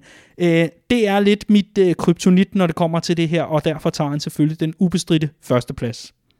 Luis Alberto. What could have been, altså. Jeg kan huske, Daniel, at diskussionen gik sådan rimelig meget på, at, at når ja, John Joe Shelby havde måske ikke helt opfyldt potentialet endnu, men vi synes, det var mærkeligt, at han var blevet solgt, ikke? Og så var det, du bød ind med, at det var overhovedet ikke mærkeligt, fordi i Luis Alberto, der havde vi altså fået en klar opgradering på ham. Øh, og det var vi ikke, det var vi ikke, øh, altså det var ikke fordi, jeg sådan decideret sagde, at du tog fejl, men, men jeg var bare ikke overvist om, at du havde ret. Men jeg, jeg, jeg ved ikke, om, om det, var sådan en, det var sådan en ting, vi havde, fordi øh, vi, vi skal jo også lige have forbi Clark, øh, lige om lidt, når det, når det handler om førstepladser og så videre. Men, men øh, der var altså noget med, at, at man, man, jeg ved ikke om det, altså lige præcis i, i den alder, der, der bed jeg meget fast i én spiller per sæson, og så holdt jeg virkelig så meget med dem. Og det kunne godt være sådan et øh, ud af ingenting. Jeg var for eksempel den største øh, forsvarer af, af Jordan Henderson i, i lange ja. perioder, hvor alle bare høvlede ham ned. Men, men, men lige så meget som jeg soler mig i det, at jeg så Sørme, John, Jordan Hendersons storhed øh, før alle andre, og så fremdeles, så, så glemmer man bare alle de sæsoner, hvor jeg har bandet ham langt væk af klubben. Ikke? Ja, så det, det må, man, må man sige. Øh, men, øh, men ja, altså, John Joe Selvis øh, aftager Luis Alberto fik aldrig en ærlig chance. Øh, Ej, havde, vi, havde vi brugt ham det. ordentligt i 13-14 sæsonen, så tror jeg nok, vi havde vundet det mesterskab. jeg kan ikke engang sige det uden at grine. Ja. Luis Alberto, førstepladsen. Stærkt. Stærkt førsteplads, det, det, er et rigtigt nichevalg, Daniel. Det kan jeg godt Det må man sige. Ja, men jeg, jeg, jeg, jeg kan jo ikke komme udenom ham. Ellers ville I jo sidde og brøle mig ud af, af udsendelsen her. Yep. Jamen, øh, mit første, min første plads kommer næppe bag på, på jer heller. Øh, efter at Roy Hodgson havde forladt Liverpool, og jeg var overbevist om, at jeg sad og kiggede på øh, det, det dybeste hul, jeg nogensinde har været nede i som Liverpool-fan. Jeg vil simpelthen ikke huske, at Liverpool nogensinde havde været dårligere. Der sidder man jo øh, i den situation, og så, øh, så laver man en liste over det her øh, nye Liverpool-hold, der skal bygges op og man kigger på, hvem er simpelthen så dårlige, at de bare skal øh, losses af helvede til, hvem kan blive okay med en, en ny træner, og hvem er dem, der har kvaliteten til, at man bør begynde at bygge et nyt Liverpool-hold op omkring dem. Og så til sidst har man så selvfølgelig listen med alle de sjove transfer-emner. Og på allerøverst på listen over spillere, som jeg var sikker på var gode nok til, at vi skulle bygge et nyt Liverpool op omkring det, øh, måske lige under Steven Gerrard, der stod Glenn McLeod Cooper Johnson. Glenn Johnson var i omkring 10-11 sæsonen en af verdens aller, aller, aller bedste højrebakker. Det er jeg fuldstændig overbevist om. Øh, da, vi, da vi et par år senere øh, ser en noget andet end Johnson, øh, der henviser jeg et par gange, så vidt jeg husker Clark, til en novemberdag i 2011, hvor Charlie Adam banker en 40 meter aflevering på tværs af banen. Dan Johnson tager den ned på første berøring, lægger den mellem benene på, øh, på Ashley Cole, sætter mm. John Terry på røven mm. og lægger yes. den stille og roligt over til 2-1 mod Chelsea på Stamford Bridge. Og hver gang vi diskuterede Glenn Johnson, så bragte jeg det mål op. Og da vi nåede til omkring 13-14 sæsonen, så så begyndte du at have den indvending, der hed, at det var ved at være noget tid siden, at han har scoret det mål. øh, og jeg kan, vi skal helt frem. Vi skal helt frem til 14-15 sæsonen, før jeg var bare nogenlunde klar til at indse, at Glenn Johnson ville aldrig blive verdens bedste højreback igen. Det er det mest mærkværdige øh, niveaudyk, jeg har set en Liverpool-spiller tage. Der var simpelthen ikke nogen grund til det. Han, var ikke, han blev ikke skadet. Der var ikke en manager, som havde opfundet ham, der havde forladt klubben. Der var ikke et eller andet transfer request, han ikke havde fået opfyldt, eller et eller andet. Det var bare fra den ene dag til den anden, der gik Glenn Johnson fra at være en af verdens allerbedste højrebakker i min optik, til at ende sin Liverpool-karriere som et meme. Øh, og det, det, det havde jeg meget, meget svært ved at indse. Jeg havde meget svært ved at acceptere det. Jeg forsvarede ham meget længere, end jeg burde have gjort. Glenn McLeod Cooper Johnson er min ubestridelige førsteplads på den her liste. Ah, hvor er det smukt. Et bud. Helt fantastisk. Det, det er faktisk det, jeg, jeg må sige, Andreas, det er faktisk en, jeg havde glemt, fordi øhm, han skulle også have været med hos mig, og han befinder sig ikke engang blandt boblerne, og det er, det er rimelig vildt, fordi det var en af de første indkøb, jeg for alvor sådan virkelig sad og tjekkede op på, inden vi hentede med YouTube-klip og mål og oplæg, og jeg tænkte virkelig, det her, det bliver godt. Men øh, ja. Det gjorde det jo også de første tre sæsoner. Der var han fuldstændig sindssyg. Og så, øh, så gik det meget hurtigt ned ad bakke lige pludselig. Af en eller anden grund, jeg endnu ikke har fundet noget at være. Ja. Ja, men det, så, vi, så er vi to. Så vi to. Yes, Yes. Og, Clark har fået den, den aller sidste førsteplads i denne uges top 3. Yes. Øhm, jamen, øhm, der skal vi finde en, som det overrasker mig lidt, at jeg ikke har hørt ham på nogle af jeres lister, men øhm, det kan godt være, at det bare er mig. Øh, det tror jeg dog ikke, når I hører navnet, fordi øh, vi skal tilbage til januar 2013, hvor Liverpool øh, for 11 år havde et suverænt transfervindue, og et sjældent rigtig godt et af slagsen i januar for nogle topklubber rundt om i Europa efterhånden, må man sige. Men der hentede Liverpool altså blandt andet brasilianske øh, Phil Coutinho og Mm. en ung striker ved navn Daniel Sturridge. Oh. ja. Og Daniel Sturridge, han øh, viser sig at være et instant hit. Det gjorde de begge to jo faktisk. Men, men Daniel Sturridge er altså min førsteplads, og det er han, fordi øh, han lagde så fantastisk for land i, i det første halvår i klubben, og byggede bare yderligere på i sin første fulde sæson i, øh, i, i 13-14, øh, hvor ham og Luis Suarez udgjorde Europas farligste frontduo. Og øh, derfra, der, øh, der stø, tog, tog skaderne altså til for, for Storage, fordi da 14-15 sæsonen begyndte året efter, jamen, øh, der valgte man jo at stikke ham en ny øh, lang, lang, lang kontrakt øh, på rigtig mange, øh, eller på en rigtig, rigtig høj løn, og det viser at være starten på enden, fordi øh, den her kontrakt, det blev hans helt store modstander i resten af hans Liverpool-karriere, fordi skaderne blev så mange, og han hele tiden blev målt op imod den værdi, han ligesom kostede klubben, som jo ikke har været i den her sunde økonomiske tilstand, man er i nu hele tiden i, øh, i Storage øh, Liverpool-karriere. Så øh, fra den sæson, fra 14-15 sæsonen, hvor tingene ligesom begyndte at knække for hans fysik, der havde jeg hele tiden den der med. Han kommer tilbage lige om lidt. Og jeg husker, at han kom tilbage fra skade, efter at have siddet ude i, jeg ved ikke hvor lang tid i den sæson. Der kom han tilbage i januar, mener jeg. Og øh, i en kamp mod West Ham, så kommer han ind, og han garner selvfølgelig lige med det samme, øh, da han er tilbage i den kamp. Jeg mener, ham og Raheem Sterling afgør den kamp til, til Liverpools fordel. Øh, og da han scorede det mål, der tænkte jeg, så er han tilbage. Og ugen efter tænkte jeg, så er han i stykker. Og sådan blev det, og sådan blev det ligesom lidt bedre på skift i stort set det resterende af hans øh, Liverpool-karriere. Og jeg var simpelthen så naiv omkring Sturridge helt indtil det sidste, fordi selv da han fik den her opblomstring, flere år efter han jo reelt var færdig på topplan, på grund af alle de her skader, som jo fuldstændig havde smadret hans øh, hurtige antrit, øhm, øh, så, så, øh, så, så sad jeg selv her i sidste sæson, da han scorede det her fantastiske mål mod Chelsea, og, og får den her lille opblomstring i starten af sæsonen, og tænker, Mm. mm. uha, er han ved at forny sig? Er han ved at omstille sig til at være blevet en anden spiller? Men nej, det var han desværre ikke. Daniel Sturridge, øh, Liverpool-karriere, sluttede desværre, øh, eller hans, hans karriere på absolut topplan, sluttede øh, med, med, med Liverpools title bid i 13-14 sæsonen. Fordi what could have been for Sturridge? Han ender på 160 kampe øh, for Liverpool i alt, øh, og scorer altså 68 gange. Det lyder ikke særlig prangende, men, men, men hvis man isolerer hans sidste tre sæsoner, så blev det også til 68 kampe og 14 mål, Mm. hvilket slet ikke er prangende. Og trækker du det fra, altså de sidste Mm. tre år er de i alt 6,5, og kigger kun på de første 3,5, så har han altså 92 kampe og 54 mål. Så det siger lidt om en fuldkommen eksplosiv start. Og han var jo også med i alle de her rekorder om øh, hurtigst til 50 mål, og øh, blandt de hurtigste til de første 15 og 20 osv. osv., osv.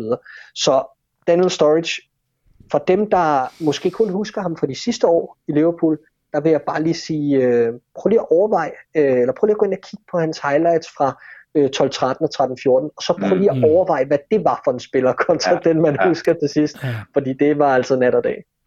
Det, er, øh, det var fascinerende år, øh, de sæsoner, hvor at i preseason havde vi verdens bedste midtbanespiller i Marco Grujic og verdens bedste angriber i øh, Daniel Sturridge. Og når sæsonen begyndte, så var ikke nogen af dem klar til at blive udtaget for Liverpool. Præcis. Ja, og øh, vi, altså virkelig god førsteplads. Faktisk øh, grunden til, at øh, den, den end ikke er på min liste, Clark, øh, er der en rigtig god grund til, fordi jeg overvejede ham også, men så kom jeg i tanke om, og det er jo så her, den, øh, den, den bliver lidt grim. Jeg kan huske preseason 18, øh, inden 18-19 sæsonen, må det jo næsten have været, Øh, vi ser en masse øh, VM nede på øh, Stamstedet i København, øh, nede, nede på øh, Café Ludvigsen, nej, VM. Var det VM? Jo, det var det selvfølgelig. Ja. Det var VM, ja. Mm. Øhm, og så videre. Og, øh, og så kommer øh, preseason jo selvfølgelig, og, øh, og der ser man en Dan Sturridge, der får lov til at spille noget 10'er-position. Og, øh, og der begynder man at tale om, ah, men kan det måske være hans nye rolle? Så ligger han i en form for 10'er-rolle, og, og behøver måske ikke at have så meget eksplosiv fart, og, og så fremdeles. Det ved jeg ikke lige, hvor, hvor den analyse kom fra. Men jeg kan huske, at jeg, jeg simpelthen høvlede den så meget ned. Jeg ved ikke, om jeg hånede den, det, det tror jeg ikke. Men jeg kan huske, at jeg var så, så arv modstander af, at, at, at han på den måde skulle ind og prøve, prøve sig af på den, øh, på den position. Så jeg var simpelthen for kritisk omkring det. Så, så jeg følte ikke rigtigt, at han kunne komme med på min, min, øh, min liste her, fordi jeg jo ligesom har været så negativ omkring, at han skulle, skulle have en chance mere og bare på en ny position. Mm. Men ellers fuldstændig rigtigt, så burde han være på den liste. Øh, det var i hvert fald bare lige grunden til, at han ikke figurerede på min. Jamen, jeg, altså, jeg, jeg, vil, jeg vil sige, at jeg var aldrig en af dem, der troede på, at han kunne komme op på topniveau igen. Men det, der er med Daniel Sturridge, det er, at jeg vil huske ham for målet i Basel, og så vil jeg lige præcis huske ham for det der Chelsea-mål og så vil jeg huske, at han forlod Liverpool med en Champions League guldmedalje om halsen, og den, den undede jeg ham virkelig, øh, efter alt han havde været igennem. Så jeg troede, jeg var ikke en af dem, der troede på, at Storage nogensinde ville, ville komme tilbage, men, øh, men, men, men han, han viste de der glimt øh, helt til, altså selv til allersidst i, i, i Liverpool-karrieren, af hvilken fantastisk spiller han, mm. han havde været engang. Helt klart. Oh. Og øh, ja, altså inden vi lige tager hul på et bonusemne, i, i den her uges udsendelse, øh, fordi det, ja. det har jeg sådan lidt akut ind fra, ja, ind fra siden. det har jeg nemlig så også. Kan vi, så, så kan vi jo lige køre, øh, køre nogle bobler. Jamen, øh, skal jeg starte med den? Lad os høre. Jamen, jeg har, øh, jeg har tre, og jeg vil gøre det meget kortere end, øh, end, ja, end i, sidste, øh, ja, i sidste uge, og bare nævne navnene. Øh, Lazar Markovic, mm. Martin Kelly og Lukas Leva. Sådan. Det er sat med tre gode bud. Ja. Øh, Daniel? Jeg har ikke nogen øh, bobler. Det har jeg simpelthen ikke. Øh, altså udover Nå, den større, der røg. Bare rolig, jeg har bobler for os begge to. Jeg har fem, og så har jeg en lille bonus. Og de fem er Dominik Solanke. ja, tak. Øh, Hvorfor er han ikke på din liste? Ah, men han sneser lige akkurat igen. men, øh, Joe, ja, ja, Joe det tager vi næste uge. Joe Cole er også en af dem. Ryan Babel. Øh, mm. Og en anden Ryan, Ryan Kent. Og så altså øh, Loris Karius. Og så har jeg øh, tre bobler, som er øh, fra, den, fra, den, fra den nuværende trup. altså potentiale til at blive sådan nogle, vi snakker om, what could have been. Ikke? Ja. Øh, og der har vi netop Marco Grujic, øh, Harry Wilson og Naby Keita. Mm, ja. Glimrende. Glimrende, glimrende. Clark, øh, ja, måske kunne man høre det. Jeg, jeg beklager, hvis man kunne høre det i baggrunden, men jeg har lige siddet og klapret, fordi vi skulle bringe en breaking ind på Redman Families Facebook-side. Og den er bragt. Har du lyst til at, øh, at breake den? Det bliver så underligt, fordi det er fucking uaktuelt, når det kommer ud som podcast. Men ja, øh, jo, det er jo lige kommet men, ind, men, mens vi sidder og optager nu. Ja, det er det, og det er jo øh, udvidelsen af Anfield Road End, øh, altså den sidste, det sidste led i øh, udvidelsen af Anfield, og altså det her med at gøre Anfield top moderne, øh, som øh, desværre udskydes med, øh, med, med 12 måneder, øh, som det ser ud øh, indtil videre grundet øh, covid-19 og, øh, og, og det her, der altså har, har gjort, at, at meget arbejdet og hele processen har måttet har måtte blive pauset. Øh, og det er jo super ærgerligt, øh, fordi at det var, jamen alt kørte jo som, øh, øh, ja, som det skulle, kan man sige, både med det nye træningsanlæg og et nyt Anfield og så videre, og der var en masse at se frem til, og, og nu skubbes det så yderligere 12 måneder. Øh, det er, hvad det er, og øh, der er en masse, der har større problemer i verden end, end os, men derfor må man skulle gerne sige, at det er, det er trop ærgerligt, at mm. uh, vi ikke har stadion at se frem til i 22, men i stedet nok må vente til 2023. Ja, mm. og det kommer over af, og det er det, som uh, Liverpools uh, COO, uh, Chief Operating Officer Andy Hughes, han er ude at sige, det er, at uh, der har jo været de her forsinkelser netop som, uh, som konsekvens af covid-19, også kendt som coronaen, uh, men at man har brug for uh, to fulde somre til at øh, få, få, få ordnet det her byggeri. Og det kan man jo ikke rigtig øh, gå og planlægge med, øh, med både covid-19's øh, udbrud, og så også den mulighed, der, der jo indtil er, at øh, der skal spilles her, her til, til sommer. Så, så det er altså blevet, blevet udskudt, om end han siger, at man har intentionen om at øh, indbringe øh, den her proposal, altså øh, den her ansøgning om tilladelse, har man øh, i hvert fald i sinde at øh, sende ind til Liverpools byråd og hvem der ellers er relevante øh, instanser i løbet af de næste 12 måneder. Yes. Vi yes. kommer til at øh, behandle det emne i næste uge, hvis der er frygtelig meget mere at sige om det. Men øh, om ikke andet, så øh, det bliver en maratonudsendelse, hvis vi skal til at kaste os ud i, i større øh, analyser. Og lad os da også lige få en chance for at komme helt i dybden, sådan, så det ikke bliver sådan noget overfladisk øh, krimskrams. I stedet, Clark, så vil jeg faktisk øh, lige sende en, øh, en applaus herfra. Jeg klapper ind i mikrofonen altså at have otte navne, eller hvor meget du lige uh, listede af til sidst, ud over de tre. Du laver simpelthen en start-elver af uh, What Could Have Been. Altså, hold kæft, hvor er det stærkt. Jeg vil sige, at kaffen var god på den her mandag. Ja, det var godt. Hold kæft, det, og, ej, det er kaffe, Clark, der, ja, der har lavet den liste der. Okay, ja. okay. Øhm, jeg, nu, inden vi runder af her, så vil jeg give jer en, øh, en challenge, fordi jeg kan se, at I øh, slubrer øh, i, i, i grov æder simpelthen øh, hvilken som helst challenge, øh, Jamie Carragher, han lægger op på Twitter i de her dage. Øh, lav et hold, som øh, er fra samme, eller ikke er fra samme land, og må ikke have spillet i de her klubber, og, og så fremdeles. Og, øh, nu skal I lave et hold med, med eks-tjetjenere uden venstrefødder, som har spillet øh, i den ukrainske liga, men som ikke har været kollegaer med John Flanagan, og så fremdeles. Øh, I laver simpelthen den ene mere obskur liste efter den anden. Her er mm. min challenge. Det er, at øh, på jeres Twitter-profil, mm-hmm, i den kommende uges tid, inden næste udsendelse, der skal I lave en startelver med What Could Have Been Liverpool-spiller. Yes. Okay. Kan, kan I gøre det modtaget. for mig? Yes, modtaget. Stærkt. Det vil jeg blive glad for. Også for at holde jer lidt cool. i gang. Der er for få carrot challenges, I kan kaste, kaste over, så øh, den er hermed givet. Helt sikkert. Udmærket. Men øh, flot, Clark, og øh, det var skide hyggeligt top 3. Og men at, øh, jeg, jeg må nok sige, jeg, jeg, jeg tog traumevalgene. Øh, øh, hold op. ikke, ikke videre opløftende. I hvert fald har det været en, øh, en kæmpe fornøjelse. Endnu en gang. Ja, og i lige måde. Og i lige måde, Daniel.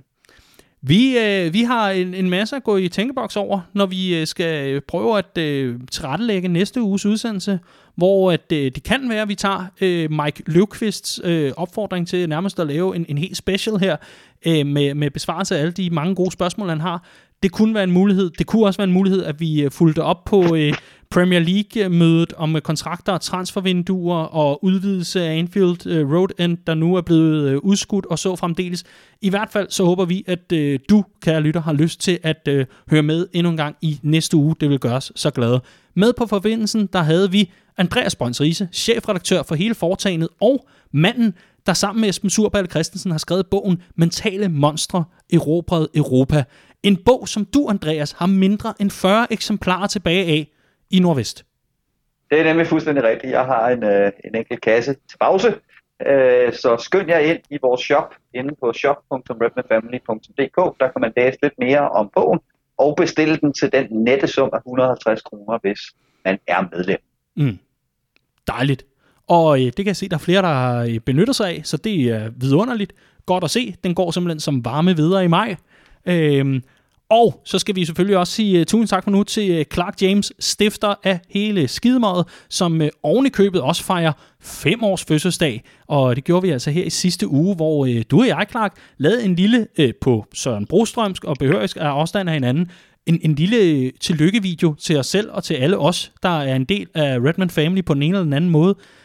Clark, øh, vi har fundet en, en vinder af vores øh, fødselsdagskonkurrence øh, over på Facebook-siden. Mm-hmm. Mm-hmm. Det har vi nemlig. Ja. Og så, så lad man lige høre, øh, derudover, fordi det, det var sådan lidt, øh, det var måske lidt, lidt overset i de her coronatider med den her fødselsdag og så videre. Øh, du fik nogle, øh, du fik nogle kommentarer rundt omkring på et, et opslag omkring, at øh, ja, nu har jeg simpelthen lavet det her. Det fylder henholdsvis 8 og 5 år. Hvad, er, er der nogle gode kommentarer imellem, som øh, du har lyst til at, at dele ud af? Nogle minder fra, fra folk rundt omkring? ja, det, det var super overvældende øh, at, at mærke den opbakning, der er til, til, vores, øh, til vores fantastiske projekt øh, og til det arbejde, der bliver leveret. Øh, jeg, har ikke, jeg har ikke så meget at supplere med i forhold til sidste uge, andet end at, øh, at den her opbakning, der er til Redman Family øh, konstant, simpelthen bare er, er super, super rar mærker. Især i sådan tider, hvor vi ikke har mulighed for at mødes hver uge på popperne og hele tiden være aktive og komme ud i afdelingerne. Og, altså, så, er det sgu, så er det sgu dejligt at mærke, at, øh, at folk stadig er, er engageret omkring det, vi laver, og, øh, og ellers øh, har lyst til at byde ind og, og det er både på den ene og den anden måde, men, men super, super fedt at få en masse personlige øh, Øh, øh, sådan øh, ros fra, fra, fra folk, vi også har haft øh, omgang med i de, i de sidste mange år, ikke? Øh, både i Liverpool og, og lokalt og så videre, øh, så, så, så det var super rørende, og jeg må indrømme, at, at det, det giver også lige pludselig anledning til, når, når bolden ikke ruller, at man kan sidde og kigge tilbage på, øh, hvad for nogle fantastiske dage og aftener, vi har haft sammen. Øh, og, øh, og, det synes jeg skulle være lidt rørende øh, at sidde med at sidde og modtage. Øh, også, en, også en hel del øh, overvældende ting lige at skulle, lige at skulle kæmpe sig igennem. Så, øh, mm. så mange tak for det til alle, der har været inde og, og reagere på det, og ligeledes dem, der skrev ind på vores, øh, på vores video på, på mm. Facebook-siden. Det var, sgu, det, var, det var fantastisk. Og det var også fantastisk at have dig og øh, Andreas Brøns Riese med øh, i Copcast her endnu en gang. Det, øh, det, er en, det er en øh, udsøgt fornøjelse, det er det altså de her. Inden vi øh, tager afs- øh, afsked med hinanden, så vil jeg bare lige nævne, at det faktisk er i øh, disse uger og måneder, at vi kan se, at der er rigtig, rigtig mange, der har meldt sig ind i Redman Family og er blevet medlemmer. Og det betyder, at der lige for tiden kommer en masse mails i øh, indbakkerne rundt omkring, omkring at man kan forny sit medlemskab. Herfra skal der jo selvfølgelig, helt upartisk, lyde en kæmpe opfordring til, at det gør man da, fornyer sit øh, medlemskab, således at øh, Redman Family kan stå lige så stærkt, eller måske endda endnu stærkere på den anden side af den her coronakrise. I hvert fald hold øje med din indbakke. Prøv eventuelt at tjekke ind på, dit, øh, på, på øh, Redman Families app eller på vores hjemmeside og se, om dit øh, medlemskab stadig er aktivt. Hvis det ikke er, så kan du altså komme ind og forny det, og dermed være med til at hjælpe os, og dermed også hjælpe dig selv med at gøre det endnu sjovere at være Liverpool-fan i Danmark med rødbedepas og så fremdeles. De her, en sand fornøjelse.